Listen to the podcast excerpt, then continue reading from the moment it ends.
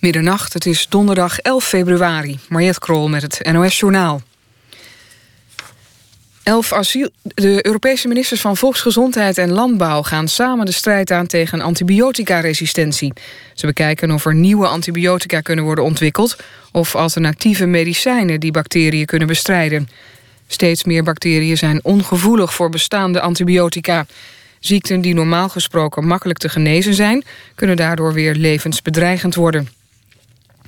Elf asielzoekers die in de opvang in Alphen aan de Rijn werden gepest vanwege hun seksuele voorkeur zijn ondergebracht in Rotterdam. Ze wonen nu in een Rotterdams zorgcentrum voor ouderen, meldt RTV Rijnmond. Een van hen deed een zelfmoordpoging na aanhoudende intimidatie in Alphen. De elf komen uit Syrië, Irak en Iran. In Den Haag zijn bij demonstraties tegen de Turkse premier Davutoglu 34 mensen opgepakt. Davutoglu was vandaag op bezoek bij premier Rutte. De meeste demonstranten waren Koerden. Volgens de politie hebben ze de openbare orde verstoord. In een gesprek met de NOS waarschuwde Davutoglu voor een directe confrontatie tussen de NAVO en Rusland aan de Syrisch-Turkse grens. Turkije vindt dat Rusland gevaarlijk spel speelt. In de VS trekken twee republikeinse presidentskandidaten zich terug. Volgens Amerikaanse media stopt gouverneur Chris Christie van New Jersey ermee... na zijn teleurstellende zesde plaats bij de voorverkiezingen in New Hampshire. Ook zakenvrouw Carly Fiorina is uit de race gestapt. Er zijn nu nog zeven republikeinse kandidaten over. In Amsterdam is vanavond een Nederlandse versie van het Amerikaanse Correspondence Dinner gehouden. Premier Rutte maakte voor een publiek van journalisten grappen over zichzelf, de politiek en de parlementaire pers, net zoals de Amerikaanse president dat jaarlijks doet. De premier grapte dat hij de avond een interessant businessmodel vindt. Journalisten die betalen om naar de premier te komen luisteren. Het weer, in het noorden nog een enkele bui, elders opklaringen... en de temperatuur daalt vannacht tot het vriespunt. De komende dag zon, maar ook kans op een bui en een graad of 7. Dit was het NOS Journaal. NPO Radio 1. VPRO. Nooit meer slapen.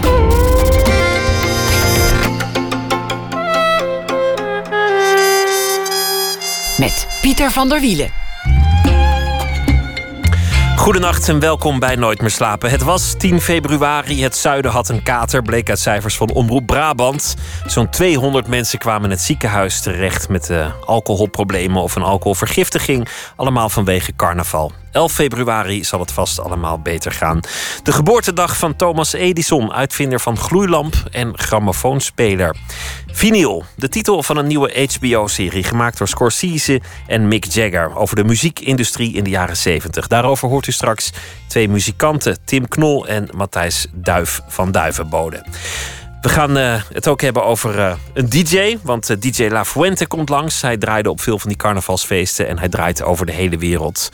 En dat vertelt hij na één uur. We beginnen met Joost van de Kastelen. Schrijver, comedian, theatermaker en Brusselaar. Hij heeft een nieuwe roman uit, Jungle.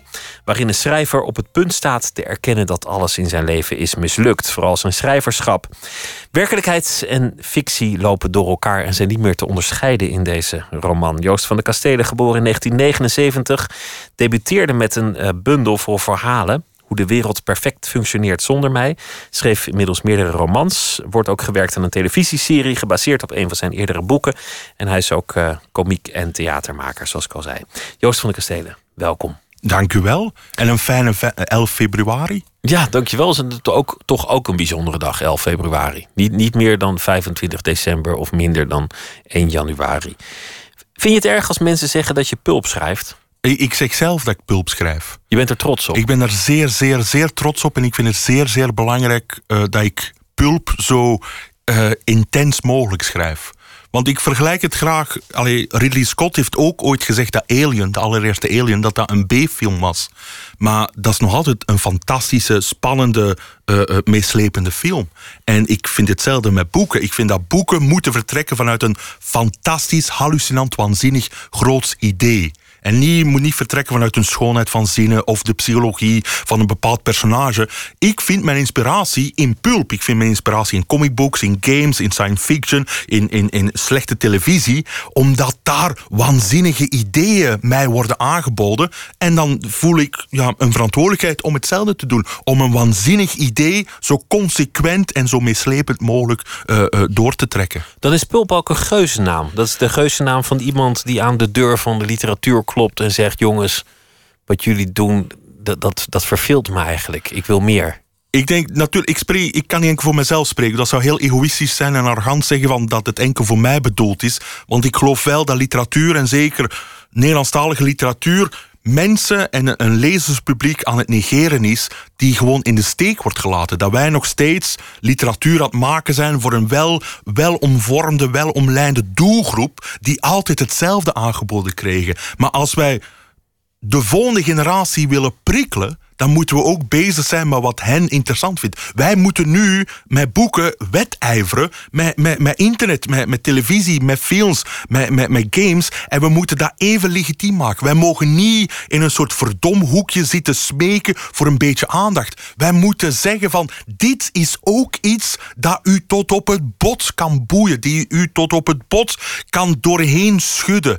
En ja, ik voel een verantwoordelijkheid om mensen aan te spreken die, die, die vaak met een dédain, met een soort, ja, ik weet niet of je dat verstaat in Nederland, een dédain, maar ik denk het wel. Hè. Ja, jullie zijn wereldburgers. Keurig uh, Nederlands woord ook ja, geworden. Ah, af, schitterend. Oh, wat zijn jullie wel bespraakt. Dus die met een dédain worden benaderd omdat het zo gezegd onbelangrijk is. Omdat het zo gezegd niet hoort binnen uh, uh, de traditie van literatuur. En ik zeg fuck traditie. We zijn nu 2016.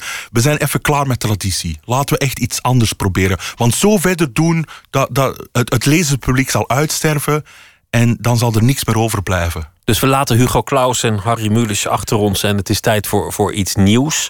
En dat is dan pulp. Dan, dan moet het maar pulp heten. Ik probeer het zo. Als iemand anders iets anders wil proberen, perfect. Hè? Alleen, ik wil alleen laten we alstublieft niet literatuur in een soort perpetuum mobile van traditie steken. Ik haat het als debutanten ook worden aangekondigd als voor de lezers van puntje, puntje, puntje. Wat al een keurslijf is. Om al een debutant die met iets nieuws aankomt, meteen al te kaderen en meteen al te linken met iemand die honderd jaar geleden gestorven is. Dat is, ik vind dat een vreselijke, vreselijke manier om een schrijver de wereld in te sturen. Na het lezen van dit boek dacht ik, goh, je zou maar schrijver zijn. Want het, het schrijverschap wordt nou niet echt romantisch afgebeeld of opgehemeld. Ja. De, de hoofdpersoon in jouw boek die, die maakt eigenlijk alle narigheid van het vak mee. Namelijk ja. gewoon het gebrek aan verkoop, geld, interesse, aandacht. Ja. En, en die enorme drang om het toch nog een keer te maken. Ik denk dat het voornamelijk gaat over. Ik denk dat is zijn nulpunt. Ik ben enorm. De bodem. Ja, ik, ik, ik, ik hou enorm van iemand die echt. Die echt vanaf, vanaf on, die onder een grens zit in die echt moet klauteren om uit die put te geraken. En een wanhoop. Ik ben enorm geïnteresseerd in het fenomeen wanhoop. En, en daarom wou ik wel een, een, een personage die heel dicht bij mij aanleunt. Maar ik ben niet zo wanhopig als, als, die, als dat personage. Na een week, bij mij is het ook gebeurd, mijn uitgeverij is ook gestopt. Dus ik had niks meer. Ik had geen uitgeverij meer. En een week lang dacht ik, oké, dan stopt het maar. En, en wat het personage een jaar lang meemaakt, heb ik een week meegemaakt. Maar de, de wanhoop toch? Want, want je zegt, oké, de, de uitgeverij ging failliet en ineens was ik een... Niet een, failliet, maar dat nou is ja, een ander verhaal, ja. Oké, maar goed, ja. die stopte. Dus jij had geen uitgever meer. En, en uh, er was een, een, een soort wissel van de wacht bij de, bij de Vlaamse televisie. Dus dat project waar je aan werkt, die serie dat stond ook eigenlijk op ja, de losse was schroeven. Ook, ja, dat was ook even... Was een beetje mot in de theaterwereld. Dus, dus de, de, de lopende tournee van Joost van de Kastelen kon ook even geen doorgang ja, vinden. Ja, ja. Je maakt me de- terug depressief, maar ja, ja, ja. Nou ja, een, een dipje, een bodempje, was er wel. Ja, ja, ik was, ik was, ik was. Ik, ik- maar om de zoveel tijd beleef ik wel een zwart gat. Ik beleef al om de zoveel tijd iets. Ik ben heel goed in bruggen verbranden. En ik merk ook wel dat er op een bepaald moment is er iets. Allee, plotseling besef je, oei, het stopt even. En, en op een rare manier ben ik dan misschien. ehm, ja, die, die, dat nulpunt voor mij, hè, dat, dat, dat, dat nulmoment, het zwarte gat voor mij, maakt mij des te productiever. Dus meestal is het bijna een soort afrukken van een identiteit vanuit een soort zelfverdediging, vanuit een soort zelfbescherming om te zeggen van oké, dit is mislukt, wat zou ik nog kunnen? En, en omdat ik me niet, omdat ik me weiger vast te klampen aan één identiteit, laten we zeggen aan dat van schrijver, stelt het mij in staat om dat, als het mislukt, om gewoon iets anders te proberen. En, en, en dat, dat is dan, ja. Iedereen heeft, althans de meeste mensen, ik bedoel, je stond waarschijnlijk niet van een stinkend rijke familie. Dus dan, dan heb je toch ook de lopende kosten. Ja. Je internetabonnement, je, je telefoon, je huur, je gas, je water, je licht. ja. Die sturen vervelende brieven en die, die landen met een plof op de mat en dan komt er een herinnering. Maak je je zorgen om mij of zo? Nou nee, maar ik kan me voorstellen dat zo'n zwart gat, dat dat, dat, dat toch heel diep is. dat, is, dat is een angstaanjagend gegeven, maar natuurlijk, eh, ik. ehm, er, er, is zo, er, er zijn altijd noodoplossingen. Ik ben eigenlijk schrijver beginnen worden vanuit een zwart gat. Namelijk, ik, ik, ik had wat inkomsten nodig, dus ik ben kort verhalen beginnen schrijven, die dan gebundeld zijn. En naar tijdschriften gestuurd en ik kreeg daar af en toe wat geld voor. Dus, dus, dus ik merkte dat schrijven een soort inkomsten was, die dan is uitgegroeid tot een soort schrijverscarrière. En dan, een tijdje geleden, bij het schrijven van de eerste versie van dit boek, eh, ik, leek het schrijverscarrière afgelopen. Maar dan was er nog altijd comedy. En dan weet je, je kunt terug de cafés gaan doen. En in de cafés voor 50 euro wat een kwartier wat leuk. Alleen niet leuk. In mijn geval is er niets leuks aan. Dus dan was er nog altijd het live aspect. Dus dan, ga ik terug de, dan, dan ging ik terug de hort op. Dan was ik terug bezig met comedy, met theater. Om, en, en dat blijft altijd zo bij mij wat op, op een laag pietje. Vanuit een soort idee van als het mislukt, dan is dat er nog. Ik ben wel heel goed in mezelf eh, te beschermen tegen een totale, totale, eh, een, een totale mislukking. Schaken op meerdere borden, of in Ja. ieder geval zo schaken dat ze niet in één keer je, je koning omleggen. Ja, omdat ik dat, ik heb dat ook moeten leren natuurlijk. Want door af en toe een zwart gat te beleven, word je ook een klein beetje eh, eh, verstandiger in bepaalde dingen, in bepaalde dingen proberen. En, en, en maar rigoureus proberen. En ook al mislukt het. Een van die dingen zal misschien iets opleveren. Niet vanuit een financieel aspect, maar gewoon dan is er gewoon iets klaar. Het Dat geeft dat- ook urgentie aan je werk. Je, je werk wordt uiteindelijk beter als jij eh, die afgrond in hebt gekeken. Ja, en je wordt ook geen vakidioot. Als, als, als, als schrijver zijn echt uw carrière wordt, als, als boeken echt uw enige manier is om te communiceren met de buitenwereld, dan ga je ook voorzichtiger worden. Maar als ik voor mezelf kan zeggen van, als boeken mislukken, dan kan ik ook de boeken schrijven die mogen mislukken. Dan kan ik boeken schrijven die, ja, die, die dan misschien wat riskanter zijn, die misschien, wat, die misschien minder vanzelfsprekend zijn, maar wel de boeken die ik wil lezen en de boeken die ik wil schrijven. Dus, dus, dus het, het, het zorgt er wel voor dat door verschillende identiteiten te hebben, zorgt ervoor dat ik rigoureuzer kan zijn in mijn radicale keuzes, wat ik wil vertellen in die verschillende identiteiten. Compromislozer. De hoofdpersoon in jouw boek die schrijft boeken als hele dikke visitekaartjes, namelijk om, om andere klussen binnen te halen. Ja. Eh, Het boek verdient niet meer, maar dankzij dat boek mag je eens een lezing geven of een bedrijfsfolder samenstellen of eh, Ja, twitteren voor bekende Vlamingen die dat zelf niet meer willen doen, maar Ja. die toch leuke tweets de wereld in willen. Nou ja, kortom, eh, neveninkomsten te over. En het is een wrange constatering, maar eigenlijk is dat natuurlijk voor veel schrijvers een beetje zo. ja, ik had niet het gevoel dat ik de beerput opendeed door dat te zeggen. Dus, dus ja, in mijn geval is het niet zo. Allee, ik heb dan misschien het geluk gehad dat ik altijd wel... dat ik niet echt het schnabbelcircuit in moest. Dat geluk heb ik tot nu toe. Hè. Kan zijn dat dat nog gaat veranderen natuurlijk.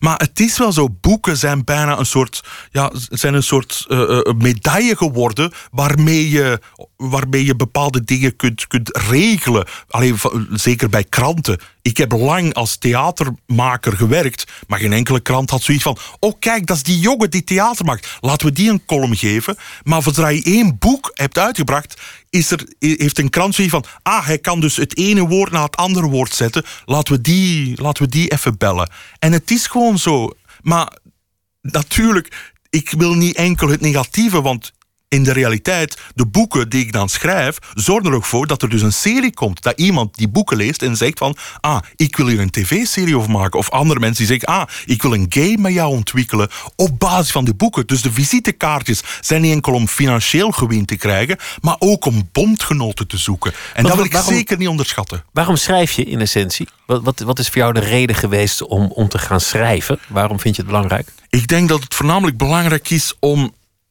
Ik zit met. Ik, ik wil graag zo groot mogelijk en zoveel mogelijk impact hebben bij een andere mens. En, en ik wil heel graag om, om, om binnen te geraken bij iemand. Om niet enkel in een soort. om het bijna fysiek te maken. Waarom? Omdat ik geloof. Ja, het heeft te maken natuurlijk, dat is dan misschien wel persoonlijk. Ik heb op het juiste moment in mijn leven heb ik de juiste dingen gezien en de juiste dingen gelezen die mij van mijn stuk hebben gebracht. Die mij hebben bepaald, die, die mij bijna de toestemming hebben gegeven om mij dit soort dingen dat ik belangrijk vind om daarmee bezig te zijn. Om bezig te zijn met onvals, on, onvanzelfsprekende dingen. Om bezig te zijn met de toekomst. Om bezig te zijn met grootsteden. Om bezig te zijn met absurde dingen. Om bezig te zijn met verzet. Ik heb die dingen gelezen en gezien. En iemand heeft mij dus die toestemming gegeven om raar te zijn. En ja, bijna voel ik dan een soort verantwoordelijkheid in dat soort, laten we dan toch het woord traditie gebruiken, om in een traditie van raardoenerij, om daar ook een schakel in te zijn. Dus een boek, een boek schrijven is een daad van verzet? Ik vind dat het moet. Het moet een daad van verzet zijn. En niet enkel van het idee van, oh, niemand leest nog en het is, het, is, het is verloren tijd. Nee, een boek moet echt een baksteen zijn die door de ruit wordt gesmeten van, van het vanzelfsprekende. Een boek moet, moet echt in staat zijn om, om, ja, om te, tenminste, tenminste een, een, een, soort, een soort een gesprek uh, uh, in gang te steken. Om tenminste het onvanzelfsprekende uh, bespreekbaar te maken. Want je hebt ook ehm, met dit boek heel erg geprobeerd om onze tijd te vatten en de problemen van onze tijd. Om, om zeg maar dat eerste stukje van die 21ste eeuw, ja. die 15 jaar die we achter de rug hebben, om die helemaal in dat boek te vatten. Ja. En toch, dan, toch, ja, toch zeker drie pagina's. Nee, nee, je hebt gelijk. Ja, heb ik nou ja, een, flink deel. De, de crisis die zit erin. De, de, de opkomst van virtuele werelden zit erin. De, de stand van de democratie van de grote steden. Je, je hebt eigenlijk alles geprobeerd in dat boek te mieteren. En, ja. en het wordt geen vrolijk beeld. Nee, nee, maar wel grappig. Daar hoopte ik wel. Dat het wel, wel grappig, ja. zonder dus, meer. Ja, omdat ik, ik, ik, ik, ik vind niet dat een boek een eh, eh, escapistisch moet zijn. Ik vind dat een boek net ook wel u ongemakkelijk mag maken. Dat een boek... Allee, we worden nu geconfronteerd met, met berichten dat, dat, dat ons doen geloven dat dit het ergste is wat we ooit hebben meegemaakt. Zo'n beetje alles is het ergste. Ja, het is dus... En, en, de vluchtelingencrisis, dat is, dat is ja, ze zijn nog nooit met zoveel geweest. En ze zijn nog nooit zo mannelijk geweest. En ze slikken, ze slikken steroïden of zoiets. En ze zijn te islamitisch. Allee, ik ben ondertussen tussen 36. Ik heb al heel veel erge dingen meegemaakt, zo gezegd. Ik ben al heel veel wijs gemaakt dat, dat, dat het onoplosbaar is. En, en, en, en daarom dacht ik ook van, ik wil ook wel een boek schrijven dat, dat, ja, dat die, die leugens die ons dagelijks worden wijsgemaakt, die geschiedvervalsing die, die, die wij dagelijks worden aangeboden, ja, ik wil er even ik, ik wil daar gewoon tegenin gaan. Gewoon als persoon, als, ik ben maar één iemand. Hè. Ik heb ook maar pagina's tot mijn beschikking. Maar ik wil wel duidelijk maken van... Ik weiger te geloven wat mij wordt wijsgemaakt. Dat het allemaal zo erg is, maar toch stel je er ook een beetje een nachtmerrie tegenover. En wel, de, de werkelijkheid is een rare plek. Het is een rare, absurde plek. we leven in een heel vreemde wereld.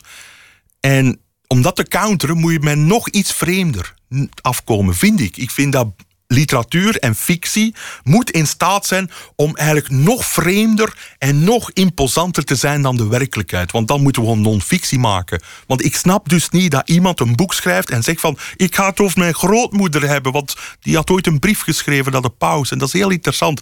Dat kan niet. Dat kan niet interessanter zijn dan de wereld. Dus om ervoor te zorgen dat, dat de wereld niet aanvoelt als iets verschrikkelijks, verzin ik maar iets veel verschrikkelijker en, en probeer ik dat zo consequent en zo, dat zo spannend en meeslepend mogelijk te schrijven, zodat de wereld misschien iets minder erg lijkt in de werkelijkheid dan wat ik verzonnen heb. Ah, daar zit hem, de, de relativering. We gaan uh, het zo meteen hebben over een aantal thema's van onze tijd. Die, die, die langskomen. Over uh, het internet en de werkelijkheid en, en, en games en, en mannelijkheid. Maar we gaan eerst luisteren naar... Um, muziek. Want uh, collega's van de Vlaamse radio, de VRT, hadden een project. Schrijver zoekt zanger. Jij mocht een uh, liedteksten aanleveren voor zanger en elektronica-muzikant Stijn. En we gaan luisteren naar een uh, gedeelte daarvan. Gedeelte is een lang nummer. Het heet Woehoe. Ja.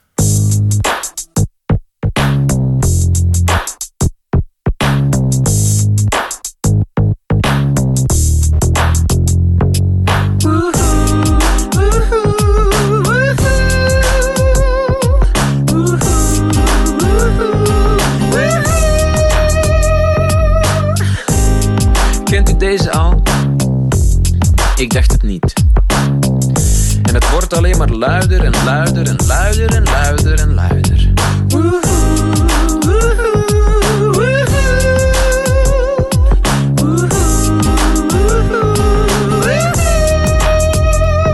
Ik geef je funk en ik geef je beats. Dus kom met de auto of kom met de fiets. Of blijf gewoon thuis. Als je denkt dit is ritmische ruis. Ook al haat je elk woord uit mijn bek. Ook al noem je me een talentloze gek. Ook al verklaar je me zagerig en zot. Ik krijg u wel uit uw godverdomse god. Denk je dat het mij kan schelen? Denk je dat het mij doet beven? Ian Thomas kreeg je wel op zijn knieën. Maar mijn haat en gal moet je verdienen. Dat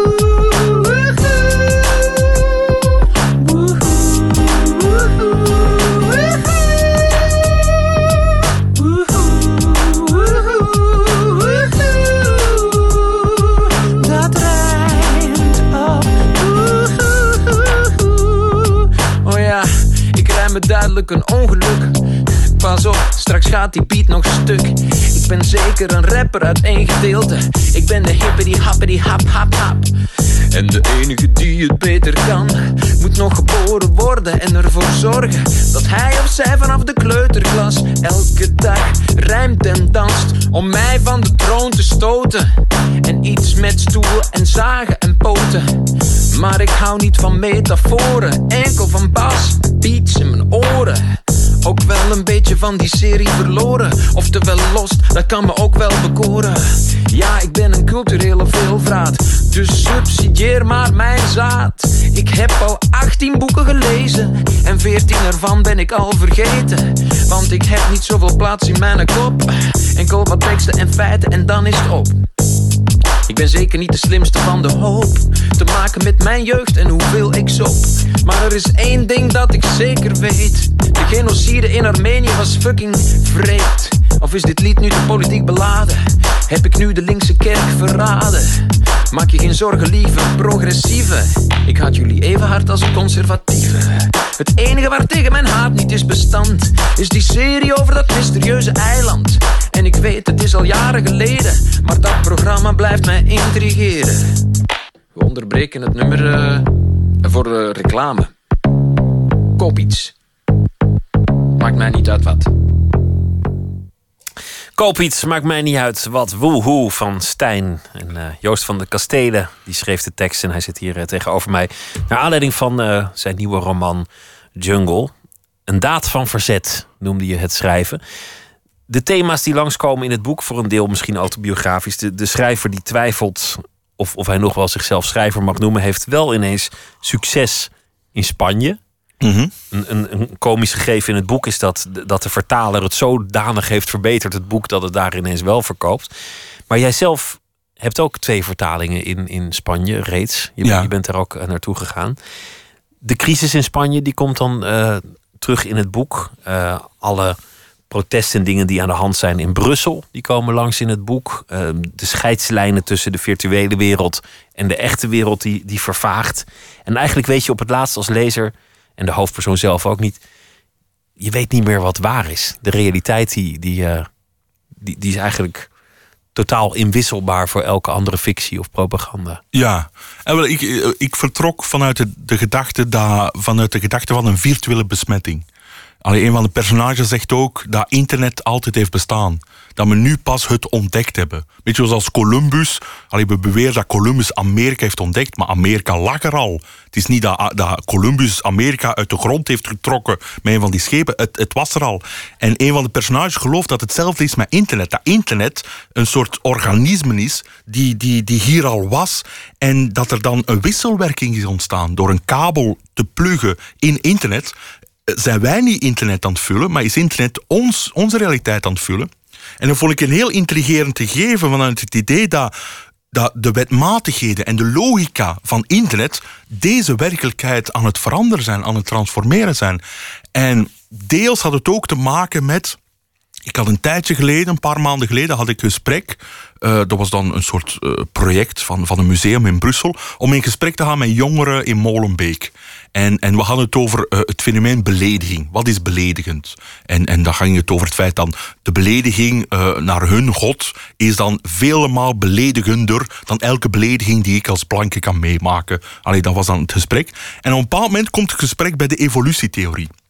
En die zeggen heel duidelijk, en allemaal in het Nederlands en, en perfect duidelijk, zeggen die van, we, we, we weten het, hè, we kennen het, we kennen van buiten Darwin en de survival of the fittest, we kunnen het allemaal noteren op het examen, maar we snappen er niks, allee, nee, nee, we, we geloven er niks van. En dan kom je af, ja, er zijn wetenschappelijke feiten. En dan zeg je, ja, maar feiten maken geen indruk. En die zin, ik vond dat zo een fascinerende, allesbepalende zin. Dat iemand zegt, feiten maken geen indruk. Want daarmee is het debat gesloten. Want, want vroeger kon je dan nog zeggen, uh, in, in, als toen feiten nog indruk maakten.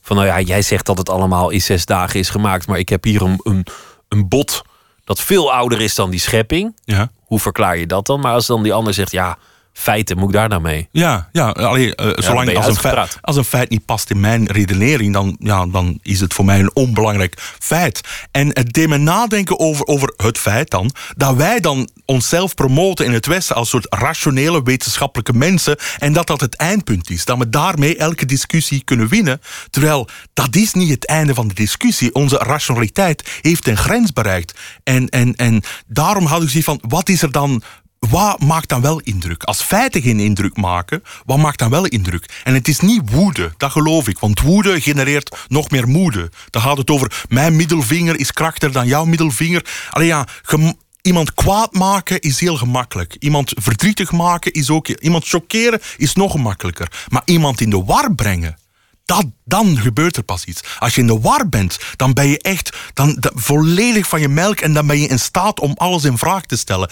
En dan dacht, dat vond ik een interessant gegeven, namelijk de besmetting van de virtuele wereld en het fenomeen van verwarring als verzet. Want ik las iets over. Uh, er is zo een, een raadgever van Poetin. Als hij van het een naar het ander gaat, moet je maar zeggen. Hè. Nee, maar er is nee, een raadgever. Luister, ja, interessant. Er is een raadgever van Poetin en zijn naam is Surkov.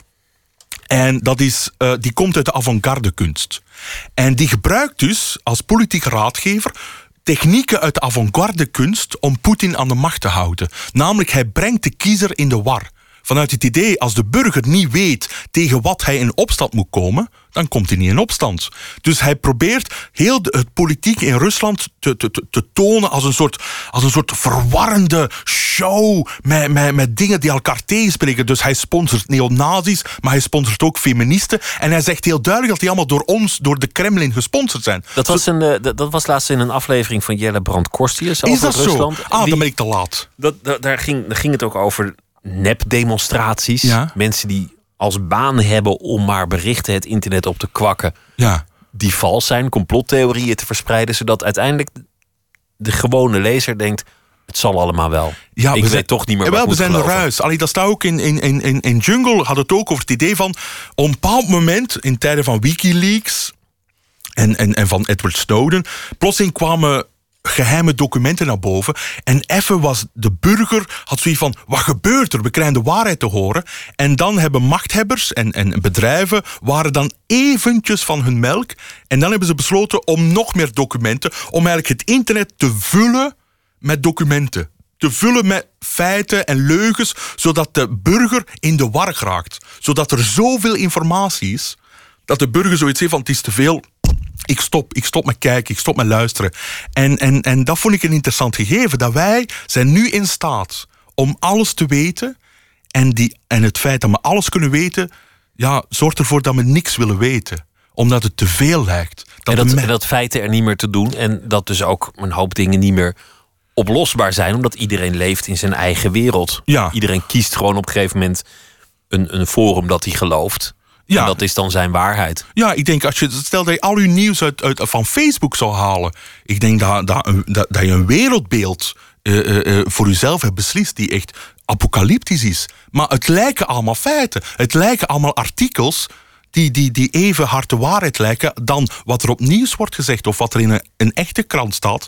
En, en, en daarom, ja, ik geloof werkelijk dat wij als mensen, dat wij nog maar pas begonnen zijn. Ik geloof niet in het einde der geschiedenis. Ik geloof niet dat wij al op een punt staan dat we moeten bewaren wat we hebben. Integendeel, we zijn echt maar pas begonnen. En zo voelt het ook als we kijken naar grootsteden, als we kijken naar internationale gebeurtenissen. Dit kan toch niet het beste zijn dat we verzinnen? Wat wij nu aan het doen zijn met elkaar in de wereld, man, vrouw, religie, dit is toch niet het beste? Of kapitalisme, dit kan toch niet onze beste versie zijn? En, en daar wil ik ook, ja, daarom schrijf ik ook, om dingen te verzinnen, om te tonen van de toekomst is nog duizenden jaren, uh, staal, allee, is nog duizenden jaren groot. Wij zijn maar pas begonnen als mens en we gaan nog evolueren. We gaan nog. Wij zijn pas de hole mensen, eigenlijk. Ja, we zijn primitievelingen in een soort. In, in, in een, ja, in een vrij futuristische omgeving.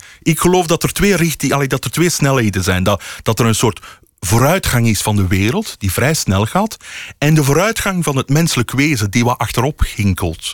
En dat we bijna dat we op een punt zijn gekomen dat de vooruitgang aan ons voorbij gaat en dat we nu in een soort overgangsperiode zitten. Dat we misschien op een bepaald moment terug op een gelijke snelheid aankomen. Dat we terug de complexiteit en de, en de snelheid van de vooruitgang, dat we die wel terug kunnen vatten. Dat we niet bang zijn voor een soort totale verandering. En terug, dat... terug naar wat je net zei, hè? want je, je, je, ging in gesprek met leerlingen in Molenbeek. Ah, jij, ja, juist, jij woont in, in, in Brussel, jij, woont niet ver van Molenbeek vandaan. Nee.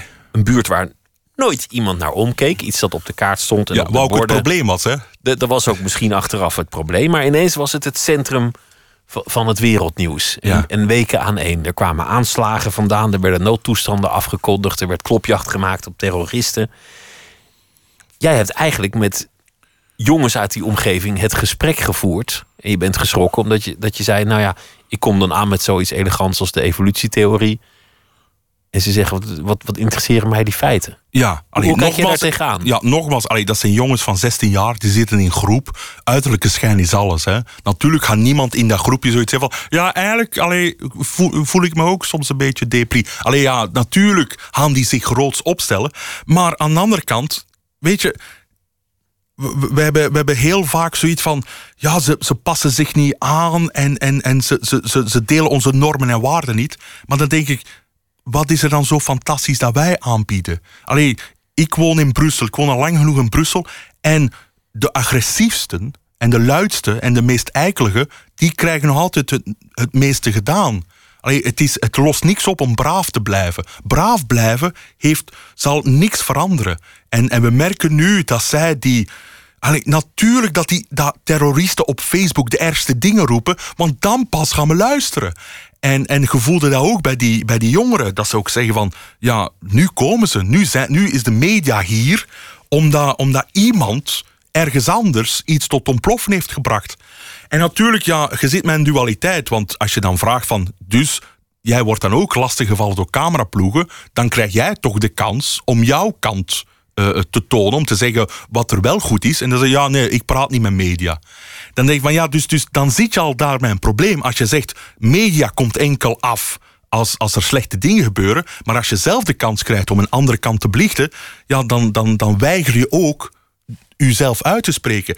En ik denk dat dat een van, de, een van de problemen is, namelijk ze weigeren iemand als vertegenwoordiger te aanvaarden. Als iemand zegt van ik spreek vanuit Molenbeek, ik spreek als iemand uit Molenbeek, dat die meteen wordt afgeschilderd als, als, als iemand die geen recht van spreken heeft. Die zeggen ook van, die jongeren hebben ook letterlijk gezegd van, er is dan nu in Antwerpen is er een imam die bezig is met deradicalisering en die bezig is met jongeren aan te spreken. En die zeggen ook heel duidelijk, ja, maar die komt uit Antwerpen, die weet niks van ons, die spreekt niet in onze naam. En daarom zeg je ook de, de, de, de luidruchtigen of de eikels. Ja. Dit zijn de enigen die nog aantrekken eh, of, of nog aandacht kunnen trekken.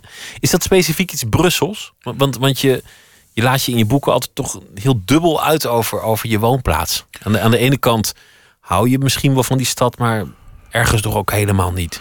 Ik, ja, ik, merk dat Brussel nog een heel jonge plek is. Daarom voel ik mij daar ook heel thuis. Omdat Brussel is een uitzonderlijke plek. Nou, normaal, als mensen het willen maken, dan gaan ze naar een stad. In Brussel is het omgekeerd. Als je het wil maken, dan ga je weg uit Brussel. En, en, en ook dat Brussel behandeld wordt door België. Allee, kun je je voorstellen dat Nederland, heel Nederland zegt over, over Amsterdam, eh, liever niet eigenlijk. Allee, dat, dat een volledig land haar eigen hoofdstad als iets te negeren beschouwt, is hallucinant. Stel dat Groot-Brittannië dat over Londen zou zeggen, dat dat maar iets is dat ze liever niet rekening mee houden. En zo is Brussel wel. Brussel is een plek waar België eigenlijk liever niet mee te maken heeft. En ja, daar voel ik mij wel thuis. In, in dat soort plek waar, waar, waar de uitzonderingen, waar de weirdo's, waar, waar, waar... Ik ben ooit een tijd geleden opgelicht. Iemand heeft mij, uh, uh, iemand heeft fraude gepleegd via mijn. Het is een lang verhaal, maar iemand heeft dus fraude gepleegd via de bankrekening van mijn vader. En ik ben dus heel veel geld kwijtgeraakt. En mijn vader woont dus ergens in Zuidwest-Vlaanderen, in Schittegem. En, en ver weg in een veilige plek. En die is dus opgelicht via de telefoon met iemand met een Nederlands accent. Ik beschuldig niemand, maar je hebt veel Het was toevallig zo. Toevallig iemand, iemand met Ja, een Nederlands accent. Bon, en die, heeft dan, die, heeft, die is aan mijn bankrekening geraakt. En de dag daarna ga ik dus naar de bankkantoor om dat te regelen, mijn procesverbaal en zo. En voor mij, om een lang verhaal kort van, voor mij staat de vrouw die mij heeft opgelicht. Dus die staat voor mij in de, in de rij te zeuren dat haar bankkaart is geblokkeerd, zodat ze niet de rest van mijn geld kan, kan afpakken. Dus dan heb ik nog een hele fantastische dag beleefd met mijn oplichter.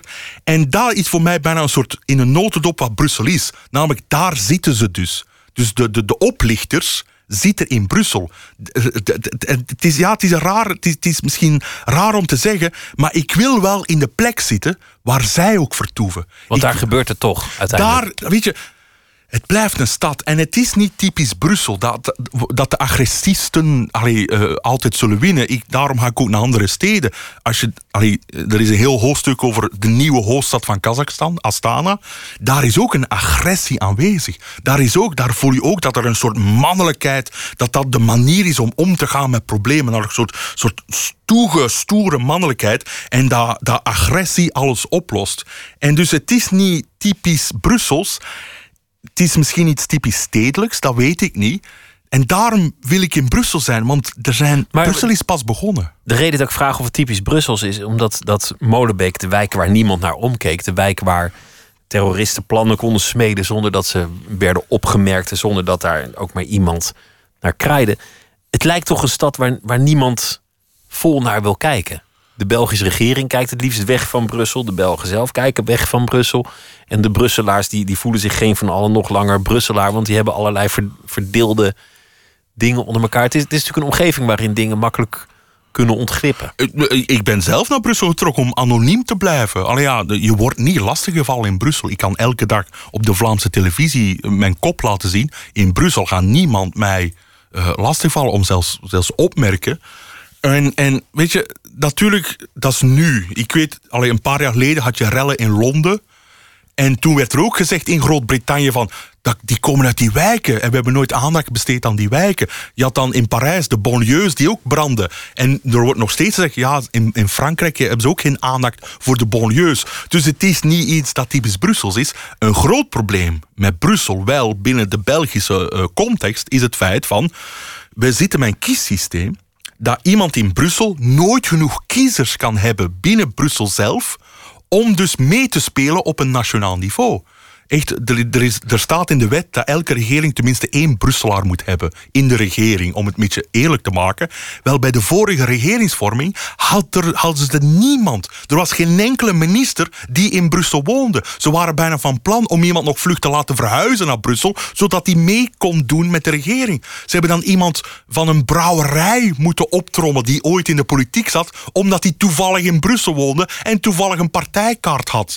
Allee, dus, dus eh, ik, misschien het veranderen met een federale kieskring. Misschien als we ooit op een punt komen dat Brussel, dat, je, dat, dat uit Brussel komen geen handicap is, misschien had dan een aandacht zijn. Maar op dit moment zitten we dus met politici die populair zijn in de provincie en in een gemeentedorp, eh, in een ge- eh, ge- geboortedorp bedoelde ik, en met alles daar rond.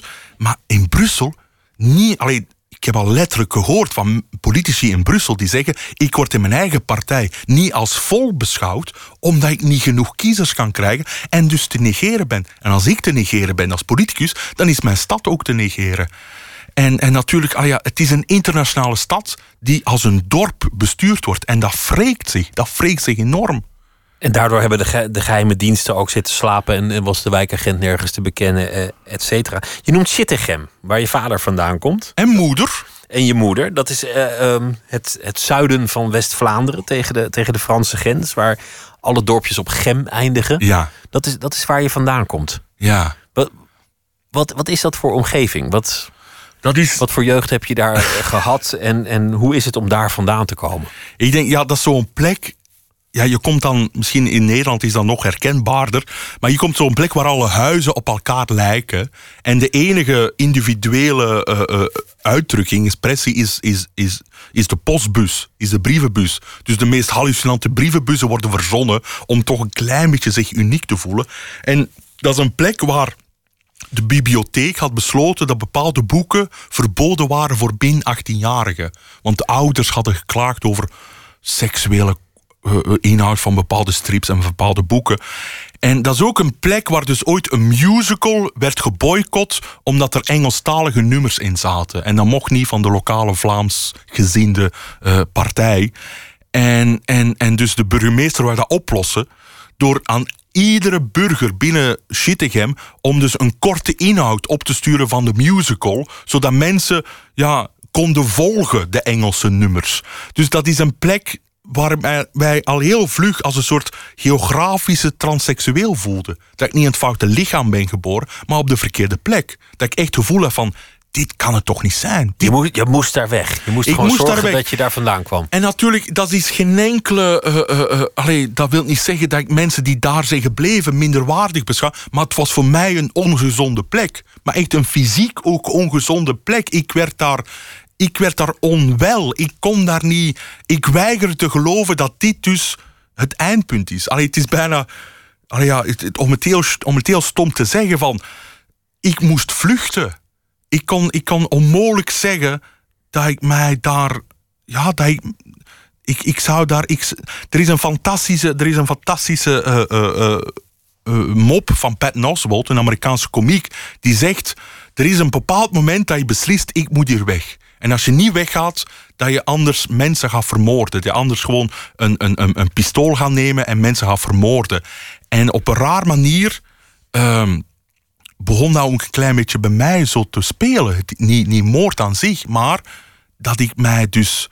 Ja, dat, dat er een, punt gaat komen dat het te laat zou zijn om nog weg te gaan. Dat ik, dat een, soort, een paar jaar de tijd zou hebben om echt te vluchten. En als ik te lang zou blijven, dan was er geen vluchtweg meer mogelijk. Zo voelde het. Zo pertinent, urgent voelde het weggaan. En het is gelukt.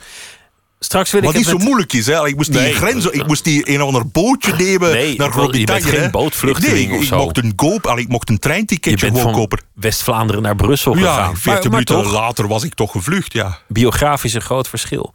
We gaan luisteren naar eh, Lucky Fons. Hij eh, heet ook wel Otto Wiggers in het eh, dagelijks leven. Hij is Lucky Fons de derde, een nieuwe plaat in Jenaki, waarvan we draaien een rare tijd.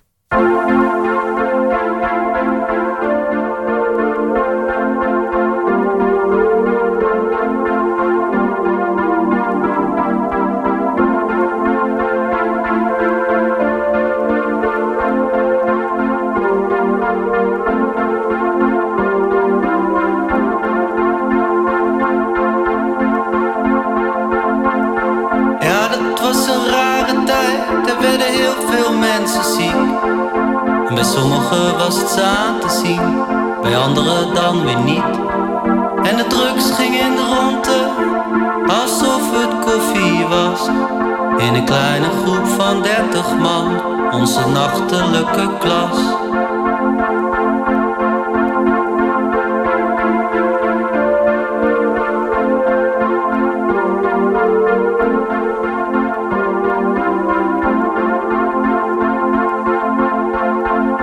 En ik, ik zat er ook bij, ik was degene met het geld.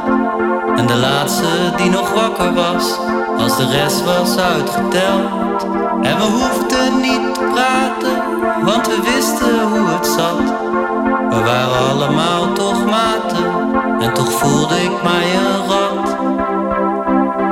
Toen ik zei dat ik eruit wou, omdat ik echt niet langer kon. En dat ik iets te veel verloren had sinds de dag dat ik begon.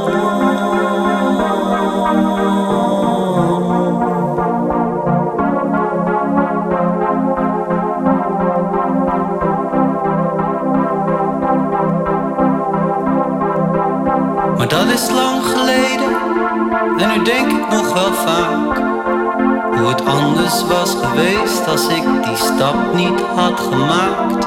Was ik nu dan minder saai geweest? Had ik nu dan minder stress? Had iedereen het overleefd?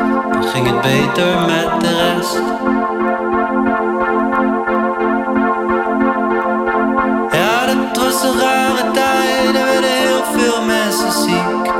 En bij sommigen was het aan te zien, en bij anderen dan weer niet.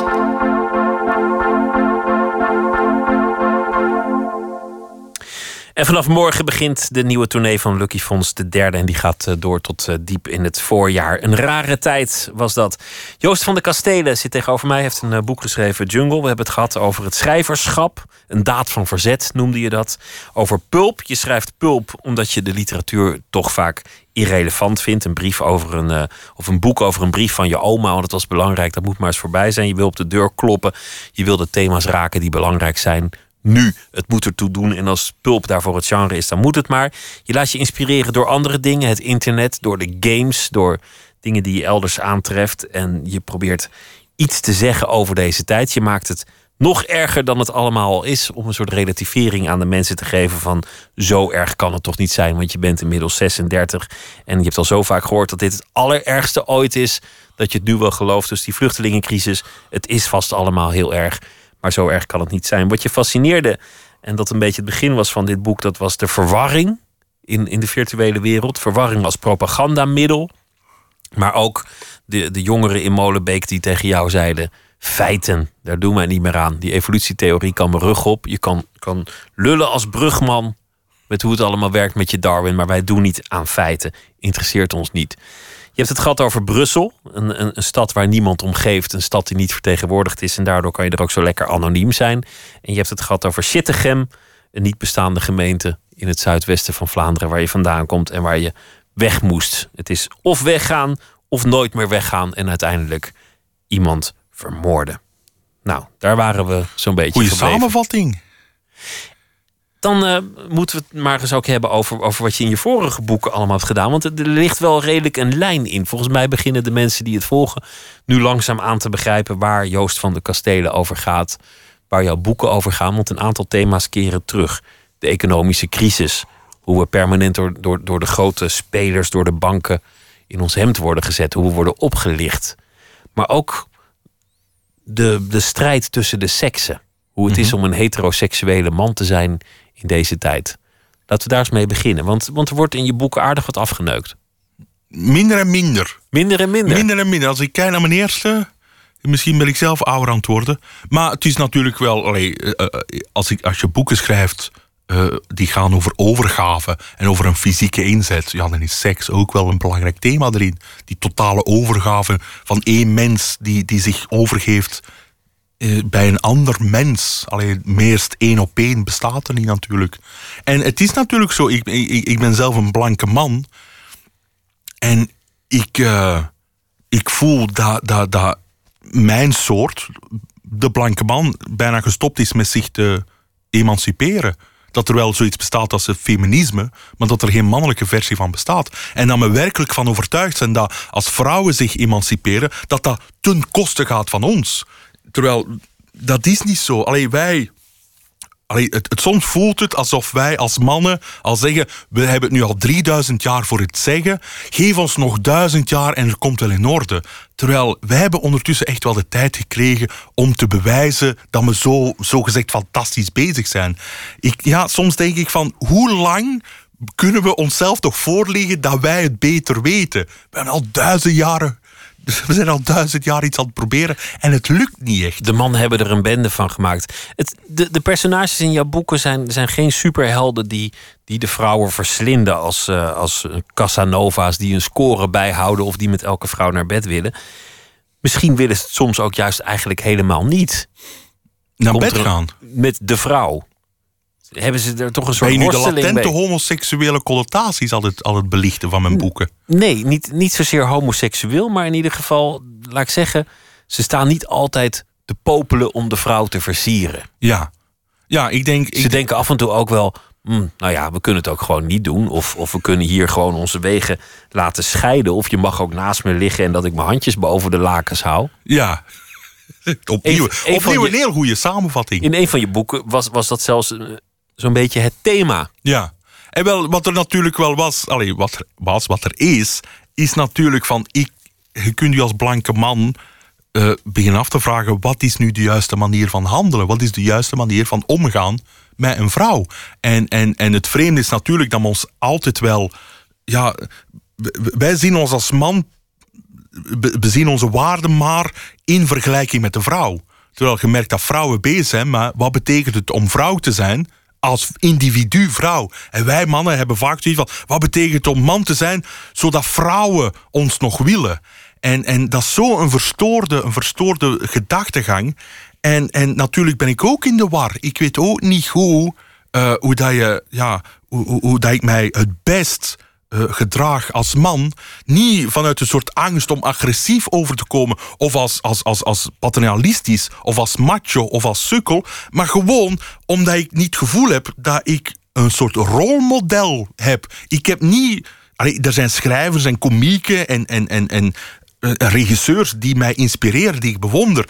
Maar om nu te zeggen van, en een man, hoe dat ik mij... Ik heb geen man-maatstaf. Die Het is, ook, het is ook moeilijker geworden, want de mannelijke seksualiteit was lange, lange tijd verdacht. Die behoorde toe aan, aan, aan verkrachters en, en, en aanranders. En die, en die moest bedwongen worden. Ja. Ze moesten, moesten begrijpend worden. En toen kwamen weer de vrouwenbladen die zeiden: nee, al, al, die, al dat softe gedoe, dat willen we niet. We willen, willen juist een, een, een kerel. En wel opnieuw daar, we, we, we verwachten dan dat damesbladen of vrouwen het ons gaan zeggen hoe dan dan best gedragen. Terwijl, Dat is toch verwarring? het, maar eh, nogmaals, waarom kunnen wij dan niet voor onszelf bepalen wat wij zelf zonder vrouwen, eh, zonder vrouwen echt lastig te vallen en daar stom mee om te gaan. Maar we, wij zijn toch in staat om als man te zeggen, wat, voilà, dit is een soort mannelijkheid waar we allemaal eigenlijk trots op kunnen zijn, zonder dat dat ten koste gaat van, van een soort seksueel geweld. Ik, ik, ik hoop, nou, allee,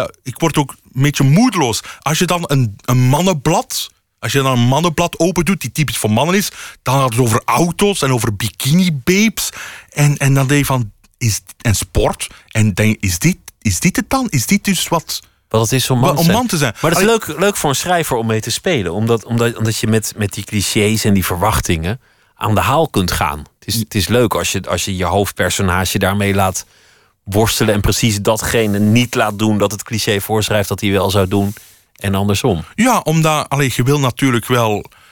Allee, een seksscène schrijven is zoals een geweldscène schrijven. Allee, dat moet wel. Het, het moet ook fysiek te voelen zijn terwijl je gewoon aan het lezen bent.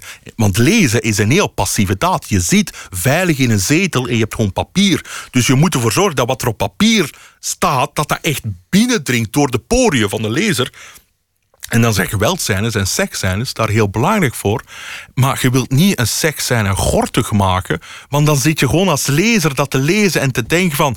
Oké, het, het voelt bijna als een soort droomscène. Zo van, oké, dat kan ik doorspoelen zonder dat het iets betekent. Je weet toch wel hoe het afloopt. Ja, terwijl, terwijl een seksscène is net zoals een geweldscène pas interessant als er, ja, als er, als, als er iets, als er iets, ja, als het wat wringt, als het wat moeilijk is, als het iets zegt over, over de personen die erin betrokken zijn. En niet een staaltje van, kijk eens, ik heb 18 synoniemen voor penis verzonnen in één scène. Ja, dan is het niet interessant. Dat is geen interessante literatuur. Een seksscène is pas interessant als je als lezer het gevoel hebt van, wat is er aan de hand? Wat gebeurt er? Wat, wat? En, en ja, en, en natuurlijk, ik wil natuurlijk ook wel boeken schrijven die een klein beetje pijn doen. En, en, en, en als man zijnde, allee, ik ben een bevoorrechte, ik ben een bevoorrecht individu. Ik ben een blanke man. Allee, Louis C.K. zegt het ook. Overal in de geschiedenis, tot en met nu, is blanke man zijn te verkiezen boven alles. En dat is nog altijd iets wat ik voel. Ik voel me echt een soort luxe editie die gepamperd wordt van overal. Terwijl ik denk van, zo fantastisch zijn we niet hoor. En, en ja, misschien wil ik dat ook nog doen in mijn boeken. Ons, ons laten geloven dat we eigenlijk niet zo fantastisch zijn. Dat die blanke mannen het ook allemaal niet, niet weten. De games. Je, je, je bent ook wel eens gevraagd om als schrijver te helpen een game te ontwerpen. Maar dit boek is ook een beetje als een, als een game. Namelijk, je komt in een nieuwe ruimte. Je moet daar met een handeling iets oplossen. Er komt een obstakel op de weg. In een, in een game is dat meestal slaan Ja. of, of schieten. Ja, Dat zijn, dat zijn de meeste games, tenzij wanneer het gaat over heel hard autorijden. Maar dan is het ook een eenduidige handeling Ja. die steeds ja. alles vol, voltrekt. Zou jij in een game ook, ook die literaire verwarring kunnen? En wel, we zijn nu wel. Allee, het, het, is iets heel fijns, namelijk het Nederlandse Letterfonds heeft, een, eh, heeft iets in gang gestoken. Namelijk om schrijvers en gameontwikkelaars samen te zetten. En ik ben samen met Happy Volcano, een gamebedrijf, zijn we echt een game aan het maken, een literaire game. En die verwarring zit heel hard in, in de sfeer en de mysterie. Dus we zijn nu wel bezig een game aan het maken voor op de mobiel, allee, of, of iPad of wat dan ook. Eh, Zodat het heel, ja, ik vind dat heel schoon dat dat gewoon in uw hand gespeeld kan worden. Ehm, en, en we proberen een game te maken die. Het gaat bijna over een, iemand die sterft en die heeft één seconde om te beslissen of dat hij blijft leven of niet. Dus heel de game speelt zich af binnen die één seconde. En die komt op een plek waar alle andere mensen die binnen die één seconde sterven samenkomen. En sommigen sterven gruwelijk. En dan zie je dus een gruwelijke scène, alleen een soort gruwelijke plek. Mensen sterven, sommige mensen sterven vredig. Dan zie je zo, ja, daar een vredige plek binnen een soort bosgebied. Dus ik, ik denk wel dat games, games zijn nu een heel jonge industrie. Die zijn nu heel fantastische, schone, verwarrende verhalen aan het vertellen. Er zijn games die gemaakt worden die duizendmaal spannender zijn en duizendmaal interessanter en duizendmaal meer literaire waarde hebben dan 90% van de boeken die ik lees.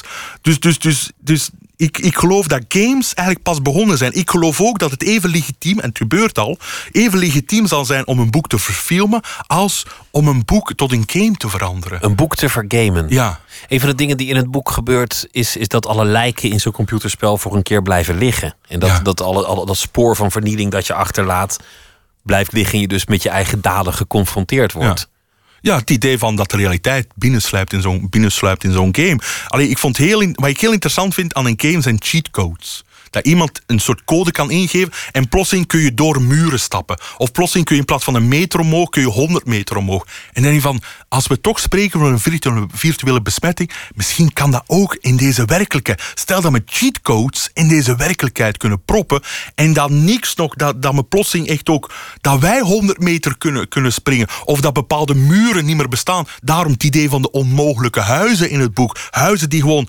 ontstaan, maar niet de bedoeling hebben om ooit erin te gaan. En ja, dus, dus, dus dat is wel iets, ja, ik, ik hou enorm van, ja, van die logica in een boek te proppen. Om aan te tonen, ook aan de lezer, er gebeurt meer dan pieuw, pieuw, pieuw, wat schieten. Games zijn echt interessante dingen aan het worden, die we niet mogen negeren. Zeker niet vanuit de literatuur. En dan komen we ook weer terug bij, bij wat toch het onderliggende thema is. Van, van het einde van de waarheid. Je, je zei die, die jongetjes. Jij kwam met de evolutieleer. Zij zeiden, ach, feiten. Je had het over de verwarring. Ik vroeg me af, waar geloof jij zelf nog echt in? Waarvoor durf jij nog je hand in het vuur te steken? Je, je hebt geen vertrouwen meer in politici. Niet meer in, in, eh, in, in de economie. Niet meer in de handel. Niet meer in, eh, in de autoriteiten van wel eer. Waar, geloof jij nou nog echt in? Ik geloof in, in eh, ongelijk hebben. Ik geloof dat ik echt, wat ik nu 100% zeker weet, dat dat binnen een jaar of twee jaar of tien jaar totaal tegensproken zal worden. Dat, er dus, dat we dus dingen gaan ontdekken die alles wat wij nu vanzelfsprekend vinden volledig onderuit zullen halen. Dat, wat echt, wat, dat dit niet echt is, misschien. Ik geloof werkelijk dat misschien dit gesprek ook maar een verzinsel is. Dat wij dingen gaan te weten komen doorheen de toekomst, waardoor alles wat wij nu als een soort vanzelfsprekendheid beschouwen, op losse schroeven gaan staan. Dus jij gelooft ook niet in feiten of in de waarheid? Ik geloof in de feiten, eh, tot ze worden tegensproken door andere feiten. En dan ben ik bereid om die feiten te aanvaarden als de volgende feiten. Maar ja, wat zijn dan de feiten? Exact. Dan wordt het interessant natuurlijk. Het was leuk met je te praten. Het eh, Echt? boek heet eh, Jungle. Dankjewel Joost van de Kastelen. Graag gedaan. Veel succes met alles wat je gaat doen. De, de serie, de game, de volgende boeken. Het eh, theater gaat natuurlijk ook door. Ik wens je heel veel eh, plezier. Dank u wel. We gaan het zo meteen hebben over de nieuwe HBO-serie uh, Vinyl. Dat gaat over de platenindustrie in de jaren 70. U hoort twee rockmuzikanten Douwe Bob en Matthijs van Duivenbode over deze serie. Een verhaal van Thomas Herma van Vos krijgt u zo meteen. En DJ La Fuente komt langs naar aanleiding van de Music Fair in de jaarbeurs in Utrecht. Dat allemaal zometeen in Nooit meer slapen.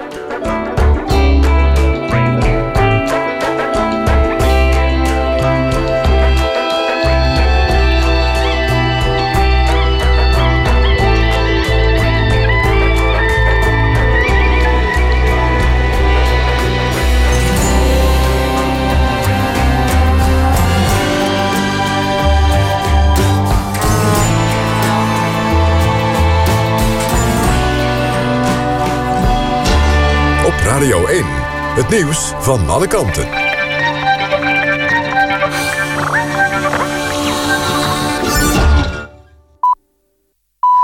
1 uur, Mariette Krol met het NOS Journaal. Een meerderheid in de Tweede Kamer steunt de nieuwe wetgeving... die de geluidshinder van Schiphol moet verminderen. Het komt erop neer dat er start- en landingsbanen worden gebruikt... die de minste hinder veroorzaken. In de praktijk gebeurt dat al even... Tijdens een debat in de Kamer zei staatssecretaris Dijksma dat de regels groei van de luchthaven mogelijk maken en tegelijk rekening houden met de omgeving. Alleen GroenLinks steunt de wet niet. Die partij vindt dat die er te veel op is gericht om de luchtvaart te laten groeien. Bij een dubbele zelfmoordaanslag in het noordoosten van Nigeria zijn zeker 58 mensen omgekomen en bijna 80 gewond geraakt. Twee vrouwen bliezen zichzelf op in een vluchtelingenkamp in de buurt van de stad Maiduguri. Een derde vrouw met soortgelijke plannen is gearresteerd. In het kamp zitten mensen die zijn gevlucht voor geweld van de islamitische terreurbeweging Boko Haram. De aanslagen waren dinsdag al, maar zijn nu pas bekend geworden. Europese landen gaan samen de strijd aan met antibiotica-resistentie. Ze gaan kijken of er nieuwe antibiotica kunnen worden gemaakt of alternatieve middelen tegen infectieziektes. De ministers van Volksgezondheid en Landbouw hebben dat afgesproken op een conferentie in Amsterdam. Steeds meer bacteriën worden ongevoelig voor antibiotica. Onder meer doordat in de zorg en de veehouderij er te veel gebruik van wordt gemaakt. Minister Schippers waarschuwde op de conferentie dat de wereld het risico loopt... een van de kostbaarste geneesmiddelen uit de geschiedenis van de mensheid te verliezen. De concertzaal Bataclan in Parijs wil nog voor het einde van dit jaar weer opengaan. In de Bataclan vielen veruit de meeste slachtoffers van de aanslagen in Parijs op 13 november... 89 mensen werden door terroristen doodgeschoten tijdens een concert. Het 19e-eeuwse gebouw is sinds de aanslagen gesloten en wordt grondig gerenoveerd. Het weer in het noorden nog een enkele bui, elders opklaringen... en de temperatuur daalt vannacht tot het vriespunt. De komende dag zon, maar ook kans op een bui en een graad of 7. Dit was het NOS Journaal. NPO Radio 1. VPRO. Meer slapen.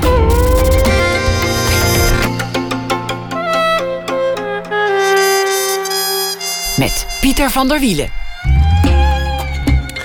Als Martin Scorsese en Mick Jagger samen een serie maken, dan uh, moet het haast wel iets bijzonders worden. Een serie over de platenindustrie in de jaren 70. Een HBO-serie. Vinyl, u hoort daar zo meteen over uh, Douwe Bob en Matthijs van Duivenbode en uh, andere muzikanten praten over deze serie.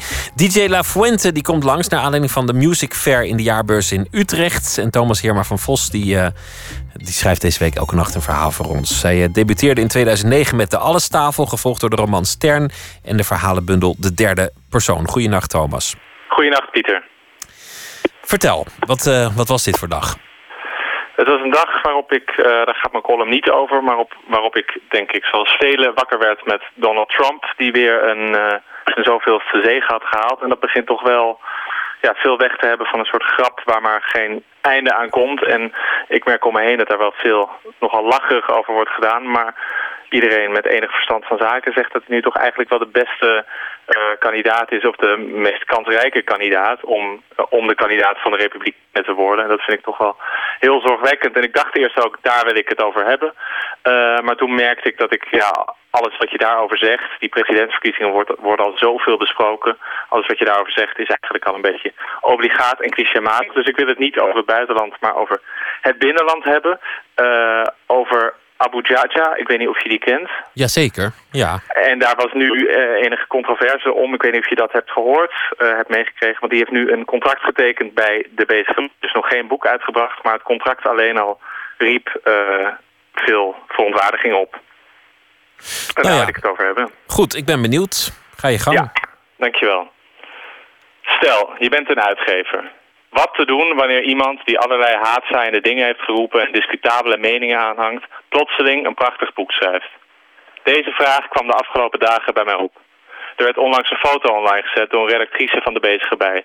Te zien waren twee boekcontracten. Een fles champagne, een verzameling blije uitgeversgezichten... en in het midden van dit alles de net gecontracteerde auteur, Abu Jaja. Hij is een Belgisch activist en publicist van Libanese afkomst... die al talloze keren in opspraak kwam. Ooit ging hij met een geladen pistool naar een uitzending van Barend en van Dorp. Hij verklaarde een gevoel van victorie te hebben gehad toen de Twin Towers neergingen. En hij pleitte ervoor Israël te vernietigen. Uitspraken die hij nooit heeft teruggenomen. Toen de foto van zijn ondertekening online verscheen, volgde meteen ophef. Bloggers keerden zich er tegen, zagen het als wanhoopstaat van een naar verkoop hunkerende uitgever. Theodor Holman in het parool dat bezig bij oprichter Lubberhuizen, die de uitgeverij begon als verzetsuitgeverij en talloze Joodse kinderen hielp, die zich bij dit nieuws zou omdraaien in zijn graf. En geen stijl die wijde een verontwaardigd stukje aan het contract, met daaronder de meest haatdragende reacties denkbaar, allerlei doodsverwensingen. Het weerwoord van de bezige bij, dat eigenlijk ten onder ging door alle, alle luide verontwaardiging, Jaja is een belangrijke stem in het actuele debat. Is dat genoeg? Een belangrijke stem in het debat. Moet je zo iemand sowieso een podium aanbieden? Of moet je als uitgever zeggen, deze meningen zijn te radicaal. Hier willen we niets mee te maken hebben. Over de boeken die Jaja gaat schrijven voor de bezige is nog niets bekend. Stel dat ze helemaal niet over zijn activistische gedachten gaan. Stel dat het ingetogen, gevoelige romans zijn. Moet een uitgever ze dan sowieso publiceren? Of kan de auteur dan nog steeds worden afgerekend op wat hij verder roept? Oftewel, contracteert een uitgever een boek of een schrijver? Denkend aan het Abu Jaja denk ik ook aan de redacteur met wie ik zelf nu al een paar jaar samenwerk. Ik vraag me af wat ik zou moeten doen om hem tegen me het harnas te jagen. En wat ik het liefst zou willen. Wil ik dat hij mijn contract opzegt? Mocht ik ooit ineens discutabele dingen rondschreeuwen? Mocht ik aanzetten tot geweld? Of wil ik liever dat een tekst alleen maar beoordeeld wordt op de woorden die erin staan?